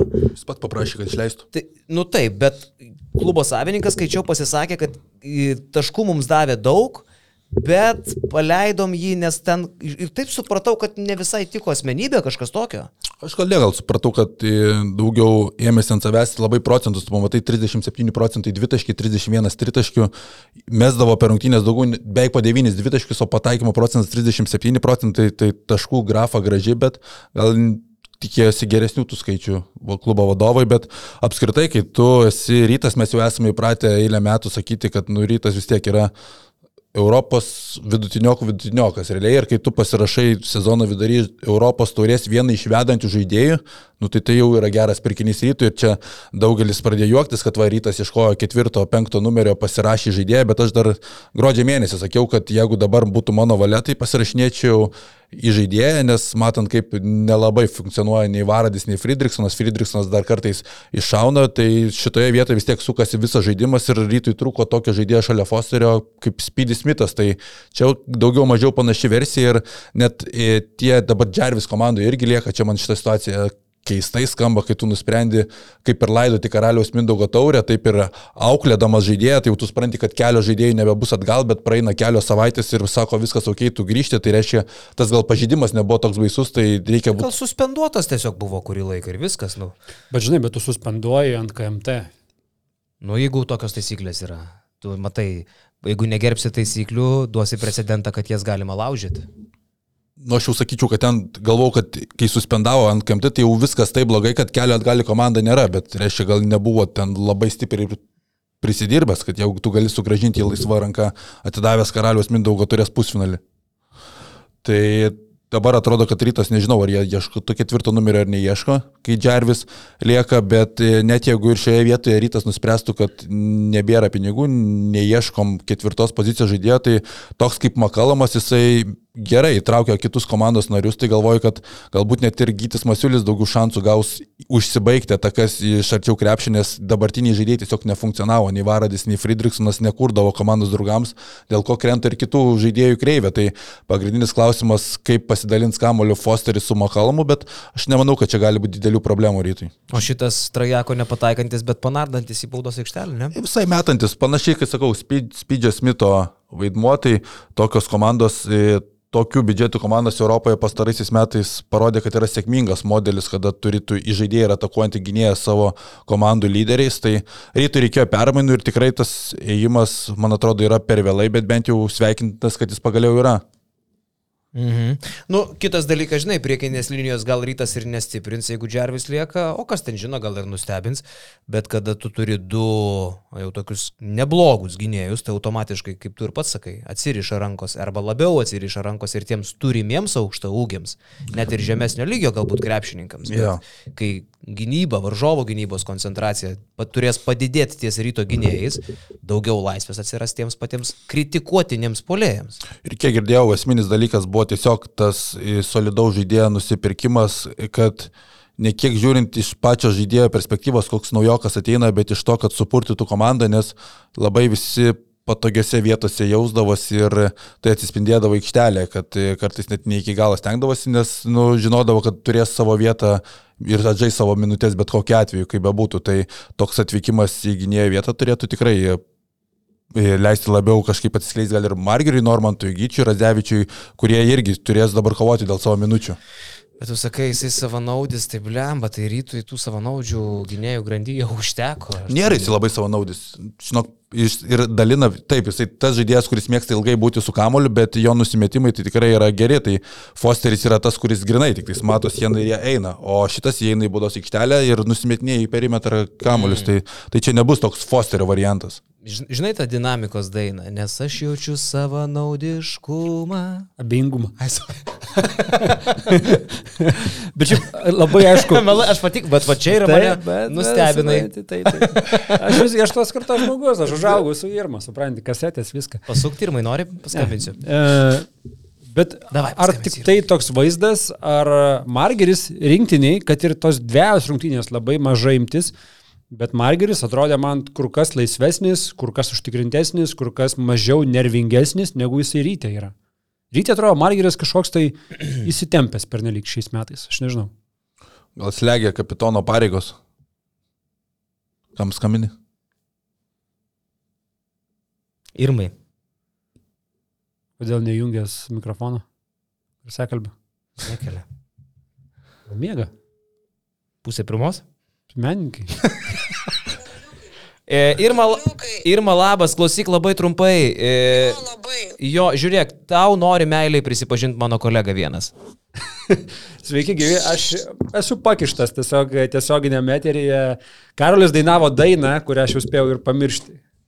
Vadinu, Karolis. Nes aš jaučiu abejingumą. Šita, šitas dainas mes dainuojam penktadienį savo podcast'e. Gerai, gerai, supratau. Nežinau, ką atsakyti jums. Pasakyk, kad milijoną ir baigiam. Ai, milijoną reikia pasakyti. Ačiū, aš irgi jūs myliu. Visą Irma. Reikėjo dinamikai tikrai vieną kartą paskambinti, ne mes tiek daug dėmesio Tai skiriame. Irma tiesiog pripratus, jinai mūsų fantasy draftuose dalyvauja, karts nuo karto pasijungia į grupę. Kur sen? Seniai tu įmetė, jie tiesiog nesuprato, ką ten veikia. Tiksliai. Į čia tą vieną kartą ten pas, tarp, su Višniausku, su visais, Su ne? visais, su visais. Prisėgiau Irmą Jurgilevičiūtę. tai dar gerai pašnekėjom, ten kažką ir Višnė Mes ten sakė. normaliai pabuvome. Labas vakaras, ponė Irma. Malonu, žinai. Jo, jo. Nu gerai, su Margeriu tęsim. Tai tau Margeris atrodo praščiau ryte, negu tos bent jau dviejas rungtynės Lietuvos rinktinės. Tos dviejas rungtynės rinktinė tai tikrai parodė, kokio potencialo tai gali būti žaidėjas. Nu, bet matai, iš tų rungtynių ką tu gali spręsti? Iš dviejų mačų. Aš sakau, aš sakau, čia, čia, čia, čia yra tai ten per mažai imtis, jo, kad prancūzų- kažkokias didžiulės išvadas darytum, bet man tiesiog jis atrodo laisvesnis, atsipalaidavęs, labiau užtikrintesnis gal iš tos pusės, bet labai ma mažai. Tai. Štai tiesiog šitoje vietoje rytui palinkėčiau kažkaip su Varadžiu susitarti ir paleisti Vengrą į Sambatėjo atgal, nes ar jisai sėdi ant suolo, ar jisai žaidžia aikštėje, tai nu, maži skirtumai, tai geriau sėdėtų Sambatėjo ir rytui nereikėtų visos algos iki sezono galo sumokėti. Klausyk, bet sugrįžimas į Sambatėjų skamba dar romantiškiau, ne? Filmą gali kur tokį. Aš buvau Sambatėjai, tai žinau, kas tai maždaug yra ir kaip tai atrodo. Kažkodėl man Sambatėjus, nežinau kodėl, bet man jis skamba kaip miestas. Neegzistuojantis. Ne, Su pilim. Egzistuojantis, bet turintis, žinai, tokias atviro uh, lauko uh, baseinus. Kažkodėl, Sambatėjai, ba, Bath, žinai, man čia va toks, O kur... man tai sambatėjus kabantis Babilono sodai. Tai atrodo, žinai, kad uh, uh, pasakų pasaulis. Devintas pasaulio stebuklas. Lekšas ten buvo. Turbūt nieko panašaus. Nei, nei natūralių geizerių, nei... Mano senelis turėjo bylą sambatėjų. Keliaudavom ten, atsiveždavom ir išgerdavom podelį pieno. Nu, yra tas toks, ne? Ne, ten žinok, pilka ir tamsu, nes arba ar vasara, ar žiema, tai nieko panašaus. Jo. Nu, o kitas naujokas atvyko į Vulfs, čia kažkoks Asveliui net e, intrigavęs variantas, ne? E, Rašardas Donat, Kelly. Donatas Urbanas, mačiau, rašė, kad tas vėlis irgi domėjosi, jo gal ir buvo pateikęs pasiūlymų, bet jo, Rašardas Kelė atvyksta į Wolves iš Australijos lygos, kur buvo pripažintas geriausiu šeštuoju žaidėju. Ir toks labai įdomus variantas, tai yra apie ką kalbėjo visą sezoną Rimas Kurtinaitis, Aurimas Esilionis, kokių žaidėjų reikia. Ir čia atvyksta į Invernizio vietą, tai prancūzas buvo didelis nesusipratimas, ką jie pasikvietė ir ką jie norėjo matyti ir kokį žaidėją pasikvietė.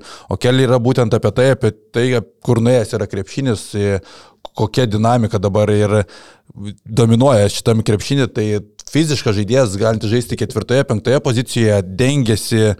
Kaip Rimas Kurtinaitis pažymėjo, kad kuomet žaidė Turkijos lygoje, jisai nors yra ketvirtas numeris, prižiūrėdavo Vasiliją Micičių gynyboje, tai yra labai mobilus krepšininkas, tai man atrodo apskritai šį sezoną dar pamatysime tokių dėjimų, kad ojojoj, LKL. Tai va, va, variantas rimtas. Mhm, mhm, mhm. Tai rytas nepasirašė ketvirto numerio, o Vulfs išsitraukė tokį variantą, tai nu, dar labiau vis tiek stiprina jų pozicijas patekti LKL finalą, vienareikšmiškai. Tai va aš norėjau klausti, pat paaiškintumėt man durnam, ar čia dabar Vilkai yra Lokas LKL finale. Ar Lokas tai tikrai ne, nes vis tiek yra rytas irgi stiprinasi, irgi nėra, kad mėgotų ir lietkabelis ne, netrodo blogai, e, bet, nu, aš galvoju, kad favoritas finalui, tai taip. Jeigu Tayloras bus sveikas, jeigu bus e, vat, keli prisijungę, tai aš sakyčiau 80 procentų, kad Vulfs žais finale. Mhm. Nes dabar kokie surinkę sudėti ant popieriaus, nu, tai tikrai antra geriausia komanda Lietuvoje. Nebent kažkokiu būdu pusfinaliai užšoks ant žalgyrio. Dabar jie yra treti. Dabar treti, tai dabar neužšoktų.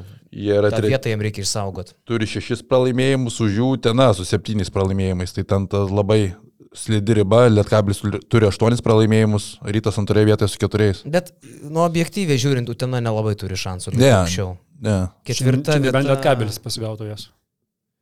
Tai palauk, dabar e, rytas antras, ne? Antras, Rytas antras. Trečias Vulfs, toliau Utena ir Lietkabelis. Tai Tai ryt- Jonava, blemba geras šį sezoną kautynės nuo antros iki... Tai apskritai šeštos. Rytas tik tais vienu pralaimėjimu turi daugiau negu Žalgeris ir kitą savaitgalį atvyksta į Kauną. Mhm. Dar kitą. Tai turės šansą pavyti ir įgyti tarpusavę pranašumą vienas prieš kitą. Nu, Žalgeris po dvigubo savaitės. teoriškai taip. Jeigu Žalgiris- laimi rytas, jie pirmieji. Taip. Žalgeris bus po dvigubo savaitės. Žalgeris po dvigubos savaitės. Ir ten bus labai sunkios abiejos rungtynės, garantuotai. Gyvenk arba mirk dabar Eurolygoje. Ir psichologiškai labai daug priklausys, kokia Žalgerio bus būsena, nes jeigu tu pralaimi bent vieną, tai ta Eurolyga kaip ir plaukia. Ir šiaip mes turim sutikti, kad šitas žalgeris be Evanso nėra tas žalgeris su Evansu, net ir LKL, jis nėra toks uh, nepa, nepalaužiamas, nepažeidžiamas, jis nebeturi tos aureolės. O jūs matėt, kaip tas ryto nujokas atrodo, kai dabar darė medicinę apžiūrą? Tai man jis kažkodėl labai primena Setą ir Stefo Karį kažkokį mišinį, toks tarpinis Visiškai, variantas, aš galvoju, man- Karis man- man atvarė ta Vilnių. Mintis, man pirmą mintis, karis atvažiavo. Nu. Nu. O, neblogai.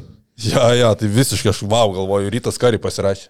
Važiuosime, kiek Karį bus aikštelėje, bet išvaizda primena tikrai. Mhm, mhm. Nu, klausyk, Jonai, mes čia su tokiu jauduliu laukiam tos tavo, tų tavo anegdotų. Tai jau tuos pasaulio čempus kilinam, ne, neįdomu. Tai Matai, Pakalbėsim kitą kartą. Mes tikrųjų. turėsim dar daug laiko apie pasaulio čempus pakalbėti. Ga, gal tik tai va esminė informacija, kad šią savaitę paaiškėjo visos 32 šalis žaisiančios pasaulio čempionate nuo uh, rūpjūčio 25 atrodo dienos. Trys šalis organizuoja pasaulio čempionatą - Indonezija, Japonija, Filipinai. Matysim didžiausią salę pasaulio čempionato istorijoje. Finalinis etapas Filipinuose vyks 55 tūkstančių vietų. Uh, Arenitai, taip vadin, vadinkim gal. Džip, džipe, e, e, kiek čia 22 kartus didesniam. Milžiniška salė. E, pirmą kartą pasaulio čempionate žais Latvijai. Paplojam broliam Latvijai, mes ilgai laukiam, kol kažką tai... Bravo, bravo, nuveiks. bravo. Svarbu Janį Timą pasikviesti. Kaip latviškai bravo? Bravo. Bravo! Latvija. Paskutinį kartą Latvijai kokiam nors tarptautiniam, ne Europos čempionate, bet olimpinės ar pasaulio, pasauliniam turnyre žaidė 1936 metais Berlyno olimpinėse žaidynėse. Vienintelis kartas ir buvo, kai... Vienintelis apskritai Latvijai e, po šešių metų pertraukos kažkur tai išlenda iš savo Latvijos, iš Valmeros, iš Rygos, netgi ir iš Ventspilio. Jie ilgai nebuvo kažkur tai išėję, tai įsivaizduoju, kaip smagu. Strelnikas ilgai to laukia, bet kažin ar sulauks tos čempionato. Strelnikas jau man atrodo, kad jau bus ambasadorius nebent Latvijos. Tai va, bet šitą kartą nusipelnė šito, tai labai džiugu. Kažkiek galim pasidžiaugti ir netgi tokiam šalim kaip Pietų Sudanas, kurią treniruoja Lolas Dengas, išėjo į visą tą reikalą. Sakartvelas su mūsų gerbimais e, kartvelais. Ir žalesis kišulys, e, žalesis kišulys su Valteriu Tavarešu irgi žais pirmą kartą šitos keturios šalis pasaulio čempionate. Ir viskas, ką aš tik noriu pasakyti prieš tavo istorijas, kad burtai pasaulio čempionato yra balandžio 29 dieną. Tai po kiek daugiau nei pusantro mėnesio mes sužinosim, į kurią iš aštuonių grupių patenka Lietuva. Bus aštuonios grupės po keturias komandas. Lietuviai turėtų būti antram pagal pajėgumą krepšelį. Ir aišku, daugiau apie pasaulio čempionatą mes kalbėsim jau vėliau, prasidėsiant burtam, galų gal juos ir iš Žiauriai vėlai burtai, balandžio gale burtai. Aš kažkaip maniau, kad tik, tik pasibaigs atranka ir bus surinkta ceremonija, bet į balandžio galas, kai varžybos jau rūpiučio pabaigoje startuoja, tai gal net trumpiausias laikas tarp burtų ir, ir paties čempionato. Ask FIBA. Ask FIBA. Why you asking for me? Ask questions for them. Ai, tarp kitko, dar vienas įdomus dalykas, kas mane nustebino, aš Wikipedijoje tiesiog paskaičiau, kad kiekviena šalis organizatorė - Indonezija, Japonija ir Filipinai galėjo pasirinkti po vieną šalį, kuri, kurios uh, uh, grupės varžybų uh, namais nori būti. Tai tarkim, Indonezija pasirinko Sloveniją, tai va toks. Ar ne Kanada? Ne. Japonija pasirinko Kanadą, Okay. jeigu aš nesumaišiau, aišku. Nes aš užfiksavęs, kad slovenai Japonijoje, kanadiečiai Indonezijai. O Amerika Filipinuose. Jo, Bet gal, o- o- gal, gal aš maišau, nesu. Gal tu, gal aš. tikra. Detalės, bet pasirinktas Kanada, Japonija, tai yra Kanada, Slovenija ir JAV. Filipinai norėjo būti JAV namais. Ir man žiauriai įdomu, aš nežinau, turbūt ne, nu aš nevažiuosiu į Fili- Filipinus, nes e, ten prisidėliojau savo planų visokių. Bet tuo pačiu labai įdomu pasižiūrėti, kaip Filipinai, labiausiai dėl kažės išprotėjusi pasaulio šalis, uh, vat užpildys tą PEM 5000 vietų salę. Įsivaizduoju, pasaulio čempionato finalas. Čia, yra, čia turėtų būti įspūdingiausias pasaulio čempionatas ever. Aš taip manau. Su Filipinais, su visų pasauliu prieš akį. Liūdniausia bus, jeigu amerikiečiai atsiūs kokią savo C komandą, žinai. Karmelo Antonis ambasadoris pasaulio čempionato. Ambasadorius. e, Bet, Kartu su e, Gazoliu ir Skola. Bet, bet, bet gali būti, kad amerikiečiai... Kad ta komandos nebus, tai tikrai nebus. Bet praėjęs pasaulio čempionatas ten buvo jiems parodį, prarodijos rinktinė.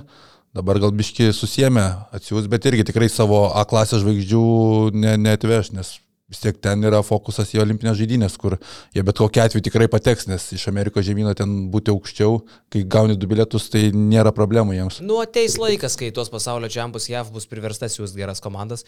Aš galvoju, kad anksčiau ir vėliau vis tiek 5 on 5 krepšinis iš olimpiados bus išimtas ir jį pakeis 3 prieš 3 krepšinis. Aš manau, kad FIBA link to juda. Jo, bet dabar, dabar turim, ką turim. Nu ir aišku, didžiausia sensacija pirmą kartą per 40 metų pasaulio čempionate nežais Argentina. Tai yra kosmosas, galima net suprasti, kodėl Fakundo Kampaco taip apgailėtinai atrodė, nu palyginti su Zvezda atrodė ketvirtam kelnynė, nes dar nėra formai. Jis vis dar neišživo ašaros. Ir ašaros dar neišžiūvo, bet kai pagalvoju, prieš Dominiką, kokią rinktinę atsiuntė žaisti Argentiną? Ten nebuvo šudina komanda, ten suvažiavo ir Dekas, ir, ir, ir Kampaco, net mūsų dėlyje važiavo e, iš LKL. -o. Net Garino prisikėlė. Net iš- Garino iš numirusių, net Bolmaro ir tas ten trynėsi. E, ir nieko, kaip sako mano krikšto mama, piš, Leandro Balmarų užsiminiai, į- atmetė agentas Barsos pusės milijono pasiūlymą iki šio sezono pabaigos, nes pasirodė jam per mažai. Pusę milijono per tris mėnesius, tris su pusė. What? Tai aš nesupratau, ką jisai galvoja.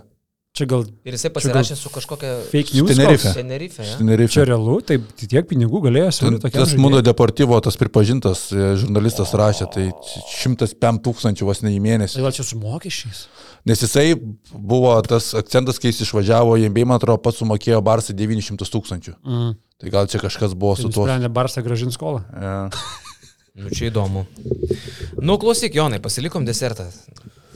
Tas desertas tai iš tikrųjų gavosi labai įdomiai. E, Prieš kokią savaitę, aš neprisimenu, kada jau tiksliai, bet išėjo kalba apie Gintautą Šivicką, kuris paskutinį sezoną, savo profesionalo sezoną buvo ir Seimo narys ir to pačiu e, LKL žaidė ir ne šiaip sau žaidė, o pirmavo pagal pelnomus taškus. Nu ir papasakojau, kad man regis kažkur atsimenu, kad Šivicką kažkada apvogė ir prišiko ir paliko nenuleistą. Nu ir- Šivicką? Šivicką, jo. Šivicką prišiko. Šivicką apvogė ir prišiko. Yra kurat. taip pasakėjai. Taip, taip. Yra kurat. Tai, tai, ta prasme, mano atmintis neapgavo šitoje vietoje.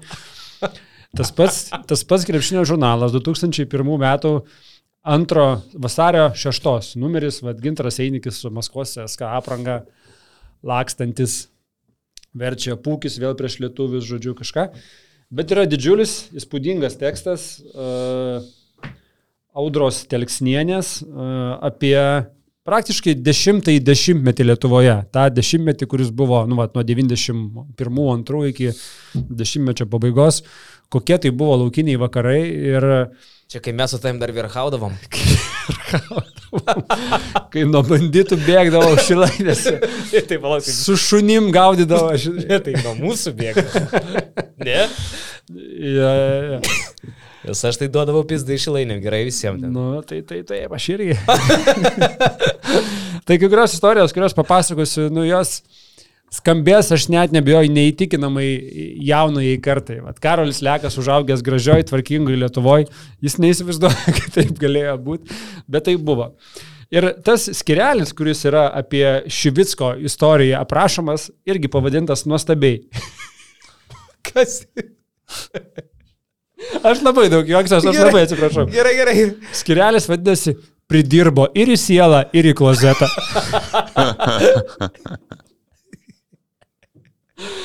Oi. Ir Nu, būtent, būtent taip yra aprašoma. Ateinu, e, viskas išversta. Čia yra cituojama Gintauto žmona, kadangi Gintautas Ševickas buvo išvykęs tuo metu į užsienį. Ateinu, viskas išversta, išmėtyta. Atrodo, kad būtų prikakota į dušę. Po to pamačiau, kad prikakota ir tualete, o vanduo nenuleistas, pasakojo žmona. tai tokia istorija, bet šiaip e, šita istorija, bet kiek buvo istorijų su šitom visom vagystėm. Įsivaizduokit, ką vogė tais laikais. O, palauk. Dabar e, prikakota tualetė, ne, čia labai svarbu. O konsistencija kaip nors įvardinta, kaip, ar ten Ne. tiesiog, nes gali būti, kad pavyzdžiui, Į detalės nuleido, bet būna žinai. tokia, būna uh, paties ekskremento konsistencija, kad jisai nenusileidžia iš pirmo karto. Žinai, apie nu tai- orinuko aš jį vadinu, kur lengvesnis už vandenį. Lemba tikrai lek į- įdėk įspėjimą prieš šitą rubriką, kad čia nuvalgantiems neklausyti geriau. Ne, tai jau jie gal pajausta. Nu, va tikrai, ir būna plaukioje. Ir ką, ir nieko. Ar čia tas, kur jau šovė Maks ir Bet net... labai gaila, supranti, kad visgi nebuvo į tokias detalės. Au- au- Audra Telksnienė nenuėjo. Blogai, at, blogai atliktas darbas. Pone Audra, jeigu žiūrit. Čia yra Karolis Tiškevičius. E, nu, va šitą dalyką reikėjo išsiaiškinti. Paprastas klausimas. Kokia, kokio lygio šika buvo atlikta tualete? Ja, bet įsivaizduokit, kokio lygio Lietuvoje buvo kriminogeninė situacija de- dešimtajame dešimtmetyje. Buvo vagiami namai, būtai apvogiami iš esmės pagal tas istorijas, kas čia pasakojama, kiekvienas prabangesnis ar geriau gyvenantis žmogus su tuo susidurdavo, nu gal ne kiekvienas, bet labai stipriai. Vagiami automobiliai, nuvaromi automobiliai, vagiamas magnetolas iš automobilių. A, sumušimai kažkokie, tiesiog tave užpuola su pagaliais uždaužo ir, ir atima kažką.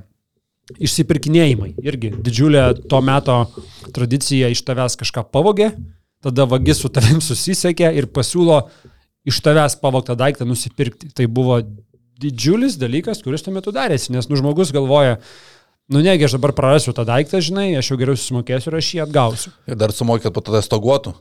Dar Jo, šitie į, visi. į, jo. įmonės reketuodavo, ateidavo Įmonės, mafijozai, jo. už kažkokią pseudo apsaugą turėdavai mokėti duoklę kas mėnesį. Jo, tai pavyzdžiui, uh, istorija prasideda nuo to, nuo... Net prosti, dar tokie baisus dalykai kaip prostitucija būdavo tais laikais. Nu, O dabartinis jaunimas jau gal net nėra girdėjęs. Mm, tikrai ne. Tai istorija pradedama nuo už užsienio, kaip e, Saulių Štombergą Vitorijoje apvogė ir, ir atrodo, kad, nu, va, ne tik tai pasmušė tie vagis, Vitorijoje Štombergą žaidė, iš, kažkur buvo išvykęs, šeimos nebuvo namie, vagis atėjo, apšvarino viską, pavogė LKL čempiono žiedus, e, žiedą vieną, e, dar daug ten visokiausių garso, vaizdo aparatūros, bla bla bla, nu, bet, vat, eilinė diena, žodžiu. Mhm. A, Bet pavyzdžiui, kai tave apvogė Lietuvoje, kas nutiko tam pačiam Jonui Kazlauskui, iš Jono Kazlausko irgi į jo namus buvo įsibrovę vagis, pavogė LKL čempionų žiedą, žmona pasiūlė Jonui Kazlauskui išeiti į viešumą ir pasakyti, nes jis tuo metu buvo nu, labai gerbtinas žmogus. Vienas metai? gerbimiausių. Tekstas yra du pirmų, neįvardinta, kada čia ta vagystė, bet aš spėčiau, kad čia yra jau, kai Kazlauskas laimėjo su Žalgiriu Eurolygą. Tai vadinasi, jis aukštumoje, žinai, ir su tą pačią rinktinę. Tai jis tikrai turi būti aukštumoje. Kazlauskas išėjo į viešumą, jis per televizorių pasakė, kad, nu, vat, apvogė, pavogė brangų žiedą, būkit žmonės, gražinkit. Ir vagiukui širdelė suminkštėjo. Dievulio. Ir kaip skelbiama šitame tekste, po, Šlikas? po kelių dienų sulaukė anoniminio skambučio, kuriame buvo nurodyta pašto dėžutė, į kurią yra įmestas žiedas. Ir daugiau nieko nesakysiu, nuvažiuokit, rasit tą žiedą. Sveiki, treneri. Neprisistatysiu, nu, bet įdėsiu į pašto dėžutę. Iki. Tai va, tai ir akurat, e, Kazlauskai paskambino policijai, patys nevažiavo, vėlgi, nerizikuodami, bet, bet policija nuvažiavo, rado iš tikrųjų žiedas įmestas ir at- atgavo treneris žiedą nesusimokėjęs nieko. Eurelijui Žukauskui taip nepasisekė, iš Eurelijaus būto pavogė Atlantos olimpinę bronzą. Ajo, fana. Aurelijui buvo apšvarinę ir pavogė šitą bronzą. Uh, ir sako, kad irgi grįžtų namo, visi daiktai išmėtyti, būto duris buvo tokios, kad galėjai jas lengvai koja išspirti. Bet per, per pažįstamus sužinojo, kas pavogė tą medalį, pas ką jisai yra, išsipirko ir sako, medalis buvo vertas dešimt kartų daugiau nei sumokėjau vagims. Čia yra Aurelijus dūšia, čia yra dūšia. Jo, čia, čia yra dušė. Tai Aurelijus išsipirko ir jam viskas baigėsi sėkmingai. Istorijos tokios, kaip uh, gaudavo į kuprą krepšininkai ir gaudavo į kuprą nejuokingai. Įsivaizduokit, ar kas nors 2023 metais drįstų užpult Tomą Pačiasą? E, dabar, ta prasme? Dabar, taip. Nu, nemanau. 97 metais drįso užpult Tomą Pačiasą. E, jis tuo metu dar buvo krepšininkas, Ką tik Atlantą laimėjęs A, bronzą. Ką tik irgi jo laimėjęs tą pačią bronzą. A, Parvažiavęs į savo gimtąjį Alytų, buvo įsigijęs Mercedes Benzą 320 irgi prabangų gerą. Nu ir pergyveno dėl to savo Bemso, neaišku kaip čia kur čia jį laikyti.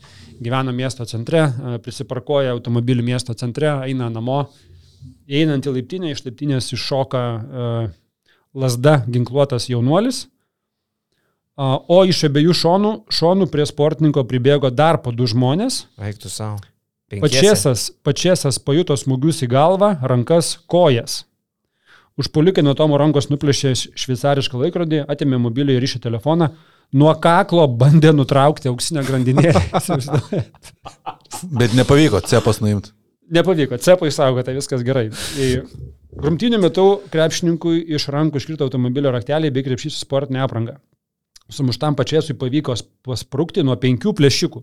Penki plėšikai užpuola pačiasą su lasda sudaužo ir, ir atima. Bet vad, keiščiausia ir geriausia, kad e, visgi Merso nepavogė, nors raktus iškritusius pačiupo, bet tiesiog turbūt nesurišo, kad čia tas Mersas, kur stovi, čia yra jo. Ir paskui... Bet ten lietuviai visi vieni kitus pažįsta, turėjo jaučiu susirasti. Tai vad, iš tikrųjų, vat, tu pats citavai ką tik tai patį Tomą Pačiasą, kur šitame tekste yra, yra cituojamas, sako, gerai, kad manęs neišjungė, nepraradau sąmonės, džiaugiasi permėje žaidžiantis lietuvis. Apmaudu, kai tave užpuola gimtinė, kur atrodo visus pažįsti. Rusijoje, apie kurią visi su nepasitikėjimu kalba, gyventi kur kas ramiau, sakė Tomas Pačiasas 2001 metais. Nežinau, gal taip ir buvo. Uh, Dar baisesnė istorija. Gintaras Staniulis, dabar irgi puikiai žinomas, vienas turtingiausių turbūt. Kauno Šitą istoriją žmonių. jis man yra pasakojęs, top sporto savininkas. Jo, jo, dabartinis to sporto savininkas. Pas jį į namus buvo įsiveržę irgi užpolikai. Siauba čia Ispanijoje, ne? Ar Kaune? Kaune. Kaune. Kaune. E, Kaune įsiveržė užpolikai, kurie vidury nakties pradėjo daužyti jį ir jo žmoną, tiesiog mėgančius. Jo, jo, šis siaubas. Jie, jie prabudo nuo užpolikų smūgių. Ir e, Staniulis kažkokiu būdu sugebėjo uh, išbėgti į balkoną ir pradėti šauktis pagalbos. Lecha, bet čia siaubus, siaubas. Jo, e, ir iš tikrųjų, pa- pažiūrėk, Staniulis va ligonį gulintis sumuštas. O fuck, bet čia labai jaunas dar, eiktų savo. Galvoju- O, o žmona irgi turbūt uh, Mm, apkūlė gerai, ne? jo, ne, apie žmoną daug nerašo, bet e, krepšininko galvoje suskaičiavo septynias žaizdas medikai. Čia jau buvo turbūt atidarinėjamas tau sportas, ne? Čia jau buvo, kai kurį laiką Staniulis turėjo lašimų verslą, bet lašimų automato verslą. Tai dar lažybos Lietuvoje nebuvo legalintos. Tai dar čia turbūt likus keliams metams. iki- Belekas. Iki top sporto. Belekas. Uh, Bet ar jie pavogė kažką? Pavogė, pavogė uh, žmonos rankinę, kurie buvo beveik 10 tūkstančių litų, mobilusis, uh, vaizdo kamera, auksinė grandinėlė. Pasirodo, jie ką tik buvo išsiemę iš banko 21 tūkstantį litų ir sako, turbūt kažkas žinojo, kad mes tokius pinigus išsiemėm, juos turim prie savęs ir, ir įsiveržė ir naktį. Bet šiaip keista, kad daužo žmonės, ne, aš va to nesupratau. Tau Jo, realiai jo, jo. pasimtos pinigus ir firink iš ten, ne, o dabar čia su tom lasdom. Jo. Tai čia yra tos tokios baisesnės istorijos, kur sakau, bet, bet tokie laikai, kur nesibodėdavo įsiveržę žmonės į svetimus būtus, į svetimus namus ar prie laiptinių už, užpulti ir užkapoti žmonės. Uh, jokingų istorijų yra su automobilių grobimais, automobilių vagystėm. O tu atsimeni, kaip mes e, su tavim e, Vilijos restorane, kai įsiveržė ir pradėjo šaudyti ir, ir mes kai... Čia kaip buvom Bonėjim koncerte, ne tais metais, važiavome. jo, jo, jo. Kam, kam nepasitaikė? Jo, jo, jo, jo, tada bėgom, tai dar Henką spėjom ten nusitemti.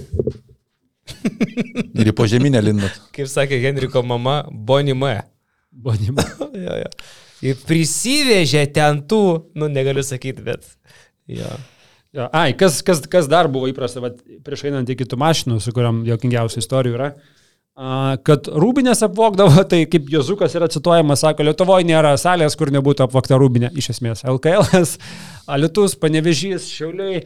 Net uh, Vilniui sakalai žaisdavo vidaus reikalų ministerijos rūmose. Vidaus reikalų ministerija yra iš esmės policija, policijos rūmai, kurie, nu, kaip gali drįsti. Ir ten ap apvogė ir krepšius išneždavo pinigus, piniginės, telefonus. Žodžiu, laikai buvo, kai rūbinės tiesiog būdavo, krepšininkai nueina žaisti LKL, o tuo laiku vagis apvagia jų rūbinės. Tai va, bet su automobiliais, o, o dieve, o dieve, kokių yra jokingų istorijų. Ramūnas Šiškauskas. Atvažiuoja į kino teatrą, į Vingio kino teatrą, pasistato automobilį. Uh, Audi 100 tuo metu turėjo. U, čia buvo kietai. Ramūnas sako, nu jau, jau, jau artėdamas paspaudė signalizaciją, jau garsas kitoks, žinai, nes jau kai jau būna sureagavus signalizaciją, tai kitoks. Nu ir sako, įlipa į mašiną, Vaik, sveik, automobilio langai sveiki, tačiau lipęs į vidų, vietoj magnetolos rado tik styrančius laidus. Nu ir paklausė, kiek e, kainavo nauja magnetola. Šiškauskas atsako, nelygu kokią pirkti. Ta, kurią pavogė, buvo pirkta iš vagių. Dabar pirkau naują. Ramūnas Žiškauskas perka magnetolą iš vagių, įsistato pas save. Jisai, jisai žino, iš ko jis įsistato. Buvo tie firminiai MP3 Pas save. gratuvai, tai tėtis irgi turėdavo, tai paturėdavo dvi savaitės ir jau nebebūdavo, visi išdauždavo stiklą. Tai Įprasta praktika, aš atsimenu. keturis kartus, man atrodo, keitė. Pas mus lygiai tas pats, kiek kartų tėvo skorpo langą išdaužė prie namų ar ten Wranglerį dar tokį turėjo. Tai jeigu atvažiuoji prie panemunės tilto, tai žinok, kad jau grįšit, bus išdaužtas langas tau ir reikės dėti. Jo, įprasta praktika. bičiulio Pauliaus pasatą Sanamišio kieme dar kokie 5-6 metai atgal susėda gerą aparatūrą, ten irgi žineliečiama viskas išdaužė, iš, išima. Jis pats dirba autoje, tai susidė vėl, nauja, vėl išdaužė, vėl išima. Tai čia ką tik, nežinau, 2016-2017 metai kažkas tokio. Bet baigėsi, ne, kažkaip nebelupa tų, nebėra tų magių. Ja, ja, ja. Bet va, Šiškauskui tokia istorija buvo analogiška situacija tuometiniam jo komandos draugui Lietuvos ryte Arvidui Maciauskui. Sako, irgi išplėšė. Sako, nu ir Maciauskas nusprendė, jog čia galbūt veikia prietarai. Magnetolą jis pats buvo pirkęs iš vagių. Tik vagys ir pardavinėja turbūt to. Tai sako, jau nusipirko naują, bet ir tą pavogė. Geriausias bairis tas, kad Lietuva, wow. vagiant iš Arvido automobilio magnetolą buvo išdaužtas stiklas, o kitą dieną Arvidui reikėjo važiuoti Klaipedą pas tėvus, aplankyti tėvus, tai buvo susiplanavęs. Anksti rytą ne- nedirbo autoservisai, todėl krepšininkas šoninį automobilio langelį uždengė polietileno maišeliu, ant kurio buvo parašyta Maxima.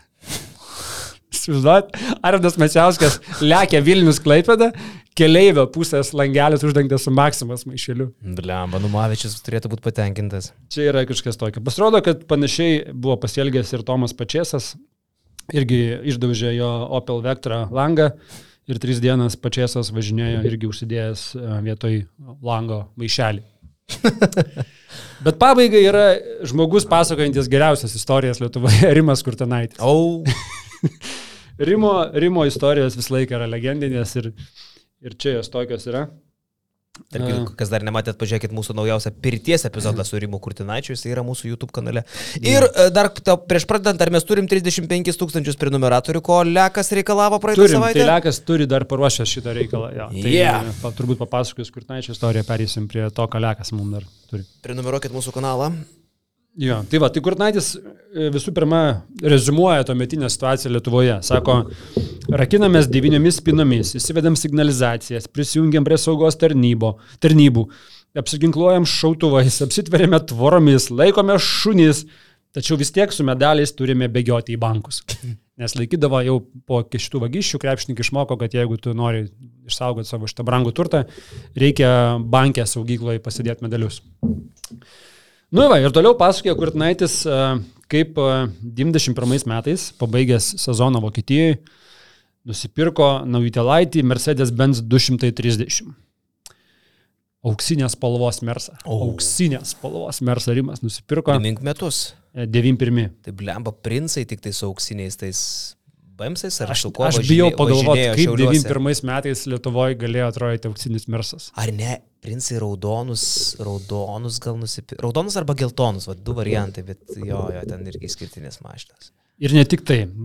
Rimas sako, užsidėjau gražius plačius ratlankius, plačias padangas, įmontavau kompaktinių diskų grotuvą. Žodžiu, pasipošiau.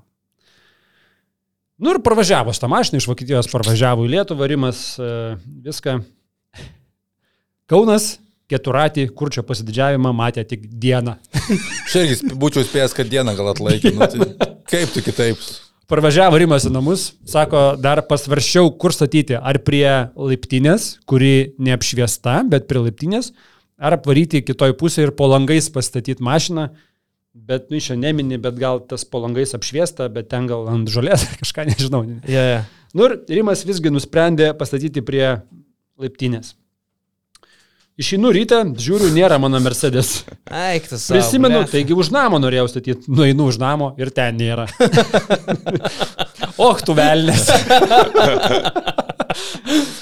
E, Na, Kainavo tikrai beje- netaip sakė, kai pamatė jis tą. Jo, čia, čia yra cituojama Och, tu velnės. Uh, Ai, ai, ai. 25 tūkstančių. Na, po perkūnais, pasakė Kurtinaitis ir išsikvietė taksi.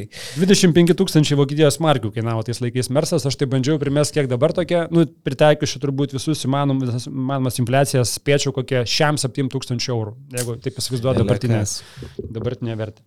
Nu ir toliau ta istorija. O rado, ne? E, sako, išsikvietė policiją. E, policija varto Mercedeso raktus ir nesupranta, kaip galėjo pavogti, nes jau raktai jau buvo tie tokie kietesni, kur iš, iš dėžutės išlyzdavo, žinai, jau raktas. Ne tai, kad tas toks stacionarus ja. raktas, kur senu, o čia, žinai, išlenda. Tai sako, policininkai tokio nematė ir nesupranta, kaip galėjo pavogti tokią mašiną, kuriai reikia tokio ypatingo rakto. Nu, tai kurtis dar čia truputį pasijuokė iš tų policininkų, e, bet netrukus e, plėšikai paskambino ir pasiūlė automobilį išsipirkti. Ta tokia tipinė istorija. Mhm. Bet kurtis sako, voktų daiktų neperku, nes save gerbiu. Eik, ir, eik. ir neišsipirko. Gal kaina pasiūlė nežmoniška? Gal ir taip, ja, ja. Bet kurtis rankų nenuleido ir jisai išsiaiškino, kaip veikia e, šita visa schemutė ir automobiliai staigiai gauna naujus dokumentus ir yra išvežami į Rusiją. Tai kurtis n- nusikasė iki Lietuvos muitinės departamento vienos iš vadovių. Nes girdėjo, kad ant muitinės užtekdavo sumokėti 10 dolerių muitininkams, 10 dolerių sumokėti ir tave ten labai nelegalius dalykus praleisdavo prie sieną išsivežti. Mhm. Nu ir sako, vad kurtis sugebėjo dasikasti iki tos e, muitinės vadovės, kuri buvo Rusija. Lietuvos, nežinau, kiek jinai buvo vadovių vadovė, jau pati, pati, pati, bet sako, vad Kurnaitis nuėjo iki jos, jinai buvo Rusija, net nekalbėjo lietuviškai. Jelena Atkatova. Kažkokia jo. Ir Tai pasakė, čia 91 metai, tai ten. Jo, ir kai kurtis papasakojo, kad, vat, nu, sako, jeigu kažkas bandys pravežti per sieną, gal jūs atkreipkite dėmesį, sustabdykit, nes žinau tą situaciją, kad susimoka 10 baksų ir pravažiuoja per sieną. Atsakymas buvo, u nas takova nebivajat. Я ручаю за свой коллектив. Aš atsakau už savo kolektyvą. Aš garantuoju už savo Jo. ja. kolektyvą. Ja. Tai va, tai kurtis tą savo mašiną prarado, paskui sako, per ilgesnį laiką dar porą mašinų pavogė iš, tos, iš to paties kiemo, nieko naujo. Bet kurtis galiausiai išsipirkinėjo mašiną, kai teko, kai pasiskolinau automobilį iš draugo, kažkokį tai džipą didžiulį, Nissan Patrol, galingas, gražus, visur regi, sako Kurtinaitis, tuo metu viena retesnių mašinų Lietuvoje. Patrolis, man atrodo, tėvas turėjo. Sako, pagalvojau, draugo mašiną reikia, tai gal iš tėvo pavogė. Gali būti. Tėvukas tuo metu policijoje dirbo, matai, tai... Okay. Taip iš mūsų maštų nevokdavo, blemba. Bet paskui... Bet daužydavo langus. Bet čia va irgi e, nepasakotas istorijos, bet vat, kažkas iš sakalų irgi pasakojo, e, kad paliko, pavyzdžiui, automobilį prie policijos akademijos Vilniui, policijos akademijos aikšteliai, kur ir galvoji, nu, policijos akademija, ne, nu jau turi būti saugiau. Pavogė. Nieko švento, nieko švento. Problemas. Neįtikėtina. Tai jo, nu tai kurti sako, jau draugo mašiną, sako, jau, nu, jau, reikia labiau pasaugoti, čia iš kiemo vagė, kažkokį garažą turėjau, sako, nuvarau. Mes sako, norėdamas patekti tą garažą, pirmiausia, turėdavau atrakinti keturias spinas uždėtas ant grotų prie įėjimo į požeminį garažą. Po to dar reikėdavo įveikti tris mano garažo durų spinas. Septynios spinos. Sako, pats pusę valandos tas spinas atrakinėdavau. Ką jūs galvojat? Ateinu kitą rytą, spinų nėra nei vienos, visų regio irgi nėra. Ne, Mažiau. Žiauru. Neįtikėtina. Bet šitą išsipirko. Visgi sako, kadangi va draugo savais kanalais rado, kad čia, kad čia pavogė mašiną, jau buvo rašymi dokumentai išvežti Rusiją. Sako, savais kanalais radau, išsi- išsipirkau, nesuprantu, kodėl policija neturi, neturi savų kanalų. Tai tokie laikai, kai vat, populiariausi, garsiausi, žinomiausi Lietuvos žmonės, krepšininkai uh, turėdavo tokių problemėlių. Aš paskui, Geras. aš paskui pas atsiminiau, tėvas rakindavo mašinos vairą su tokiu kažkokiu Taip, pagaliu, jo, jo. kur ten taip. nusiverždavo. Kitas būdavo dar net vairą ir pedalą sukabindavo ten Jo, kažkaip į vieną jo, spyną. jo. Ir ratą galėjo. Ir ratą, man atrodo, žinok, dar dėdavo tą šūdą, jo. Wow. Dabar kartais būni pamiršti užrakinti mašiną, palieki per naktį atrakintą, būna pareini žiūri, viskas tvarkoja. Palyginti nuostabus laikai. Atsimenu, irgi šilairiuose mums būtų išplėšę, kažkada išnešė ten visokius daiktus, bet vokdavo tokias nesąmonės kaip ten uh, mikrobangų krosnelės, televizoriai, tosteriai. Nu, Gintariniai ką karoliai. to dabar pralošinėja. Gali laimėti tosterį, pavyzdžiui. Tai ten žmonės vokdavo tuo metu. Nu. Gintariniai karoliai irgi vienas tokių. Man gintariniai karoliai yra didžiausias absurdas, turbūt įmanomas iš papuošalų. Jo, jo, jo. Šitus vokdavo irgi. Oi, smagu. Nu ką, vyriumbai, pažiūrim, gal ką Lekas mums paruošė šią savaitę. Lekai, ką Tai turi Lekas pirmiausia turi mums e, konkursą. Mes turime išrinkti žmogų, kuriam dovanosim prenumeratą BM. Už kokį gerą? Už tai, kad 3-5 tūkstančiai subscriberių kanale. A, ir kaip suksim generaciją sekmadienio tai- loto? Atsimenat, Lekas- sekmadienio loto būdavo generacija. O dabar generacija ir išsiaiškinsim. Pach, ten Irena Petrova kokią laimį. Okay. Tai pirmiausia, čia yra daug puslapių, tai mes pasakysim Lekui į kelintą puslapį keliauti, nes ten e, e, čia yra 50 eilučių, bet dar puslapių, ne? Tu galėjai. Gerai, 35 mačas buvo su Barsa, 35 puslapis. O dieve, tai čia dabar lekas spaudinės Tai 35. tau čia reikėjo taip daryti dabar. Nu, bet tai žmogus, kuris 35 jis gal net nebe- nebesitikėjo. Ratatatatata. Oi, Ne, ne, ne. ne. Padalinam iš septynių, gaunam penkis, nueinam iki penkto puslapio, gerai? ne, nu, tai bet tai palauk, tai dabar tie, kurie paskutiniam puslapyje neturi šansų. Nu, jiems nepasisekė taip. Ai, nu. Ai, čia random atmesti? Ja, ja, čia, matai, pagal datą, pagal... Kuriam dabar puslapį čia. esam? Gerai, užtenka, jo. Ir dabar sakom skaičių nuo viršaus, kelintam žmogui duodam. Lekšas gali gal pasakyti. 13. 5, 6, 7, 8, 9, 10, Blaževič 10. 11, 12, 13. Matas Savickas, ne? Matas Matas Savickas. Savickas laimė. Matai Savickai, parašykit mums uh, info etapaskaitinius LT ir pranešim, kaip gauti tą prizą. Į kokią prenumeratą laimėjo metinę? BM plus 3 mėnesių. Trijų mėnesių. Taip. Šaunu, labai šaunu. Tai va, o ką, dar turbūt kviečiam subscribint tą patį mūsų YouTube kanalą, kas nėra to padarę, laikint šį video. Kokia kita riba, kada prizą Lekas dalins? 40. 40. 40 tūkstančių. Kai kiam- pasieksim, sakėm, duosim metų prenumeratą. Metų prenumeratą. Nu, O dabar Lekas turi savo rubrikėlę. Aha, tai gerai, Lekas čia yra paruošęs e, tris gėrimus ir e, mes turim pasakyti, kuris yra mums out, kurio ne, a ne, kuris kartais ir kurį galima drąsiai bet kada. Nu, Man tai čia labai easy. Uh, džinas man yra out, Aš tai nei vieną nespjaunu, tai man čia sunku. Romas uh, man yra kartais, jeigu tai nėra Dambrauskas, tai tikrai kartais. O tekila man visada, aš galiu tekilą varyti litrais. Geras, man, aš jeigu reik, rinktis iš tų trijų, tai aš kaip tik aš tekilą būčiau out. Jeigu, Jo? jeigu reiktų pašalinti kažkurį iš tų, tai aš tekilą šalinčiau. Džinas e, kartais, džintonikas yra labai neblogas reikalas. Ai, nu, nu kartais, bet O su Romuku tai iki gyvenimo galo plaukčiau. Šiaip jo, Captain Romas. man lygiai toks pats, kaip pas Joną išdėstymas Dambrauskas visada. Džinas kartais, o tekilas, nu, man patinka, bet nenumirčiau, jeigu nebūtų. Nu, tu, tai... tu, tu visą labą save pasirinkai, o mes abu tave Ne, aš prametėm. tekiliukas, tai ta prasme, jeigu tik tai vakarėlis tekila, u, aš... Priklauso dar kojo tekilą, žinai, jeigu tu ten geri tą Olmekanu. normalią, tai kitą dieną normaliai būna, bet jeigu tą su kepuriuku uždedamu, žinai, tą tradicinę. Tai, tai- bet tai ir ant gerų yra, ir ant Olmekos būna kepuriuką uždeda, man atrodo, ar ne? Tai kipuriukas tau čia uždėtas, jau matau šitą. Kepuriukas čia man. Čia tarp kitko komentavau moksleivių lygos žvaigždžių dieną su Ryčiu Kazlausku. Mhm. A, Buvo, buvo šita transliacija. Tai va, bet šiaip mes neskaitinam turbūt nieko čia išgerinėti, kiekvienas yra laisvas pasirinkti pagal save, negerkit arba gerkit nealkoholinį. Bernijos, Radlerį, Brauneilą. Geriausiai tai gerkit, žinot, Ačiū. e, lai jūs pakontroliuojat CVB barmenai. Va tie tai žmonės, supranti, jau jie, jeigu mato, kad tu jau nebegali, tai jie tavo vaikelį ir nebepils. Ten ir nealkoholinių gerų yra. Taip, taip, taip, taip. Ačiū Lekai, puikiai rubrika. A, Kaip visada nuostabus lekas. jo. Tiek turbūt šiandien. Tiek. Labai geras podcastas gavosi. Iš, kaip sakyti, iš šūdą išspaudėm vašką, man atrodo. Iš- Netgi ne vašką, iš- sakyčiau, kad labai skaniai padarėm. Iš Žalgerio minus belekiek jo kažkas. Mhm, mhm, mhm. Gerai, nu, iki. Nu, nu, nu. Žinai, kaip baigi pokalbį? Nu, nu, nu. Nu, nu, nu, nu. Nu, nu, nu. Ate, ate. A, ate, ate. Nu, nu, nu, nu. Ate. Aha, aha. Nu, ate. Ate, ate. Aha. Nu, nu, nu, nu, nu. Nu, davai. Ate, ate, ate. Baigėsi podcastas, bet tu net nepaspaudėjai like, būk žmogus, dar čia būtinai paspaus, kad galėtų matyti mūsų iš karto pats pirmas, prenumeruok kanalą ir ta BN pliusų tai nėra sudėtinga.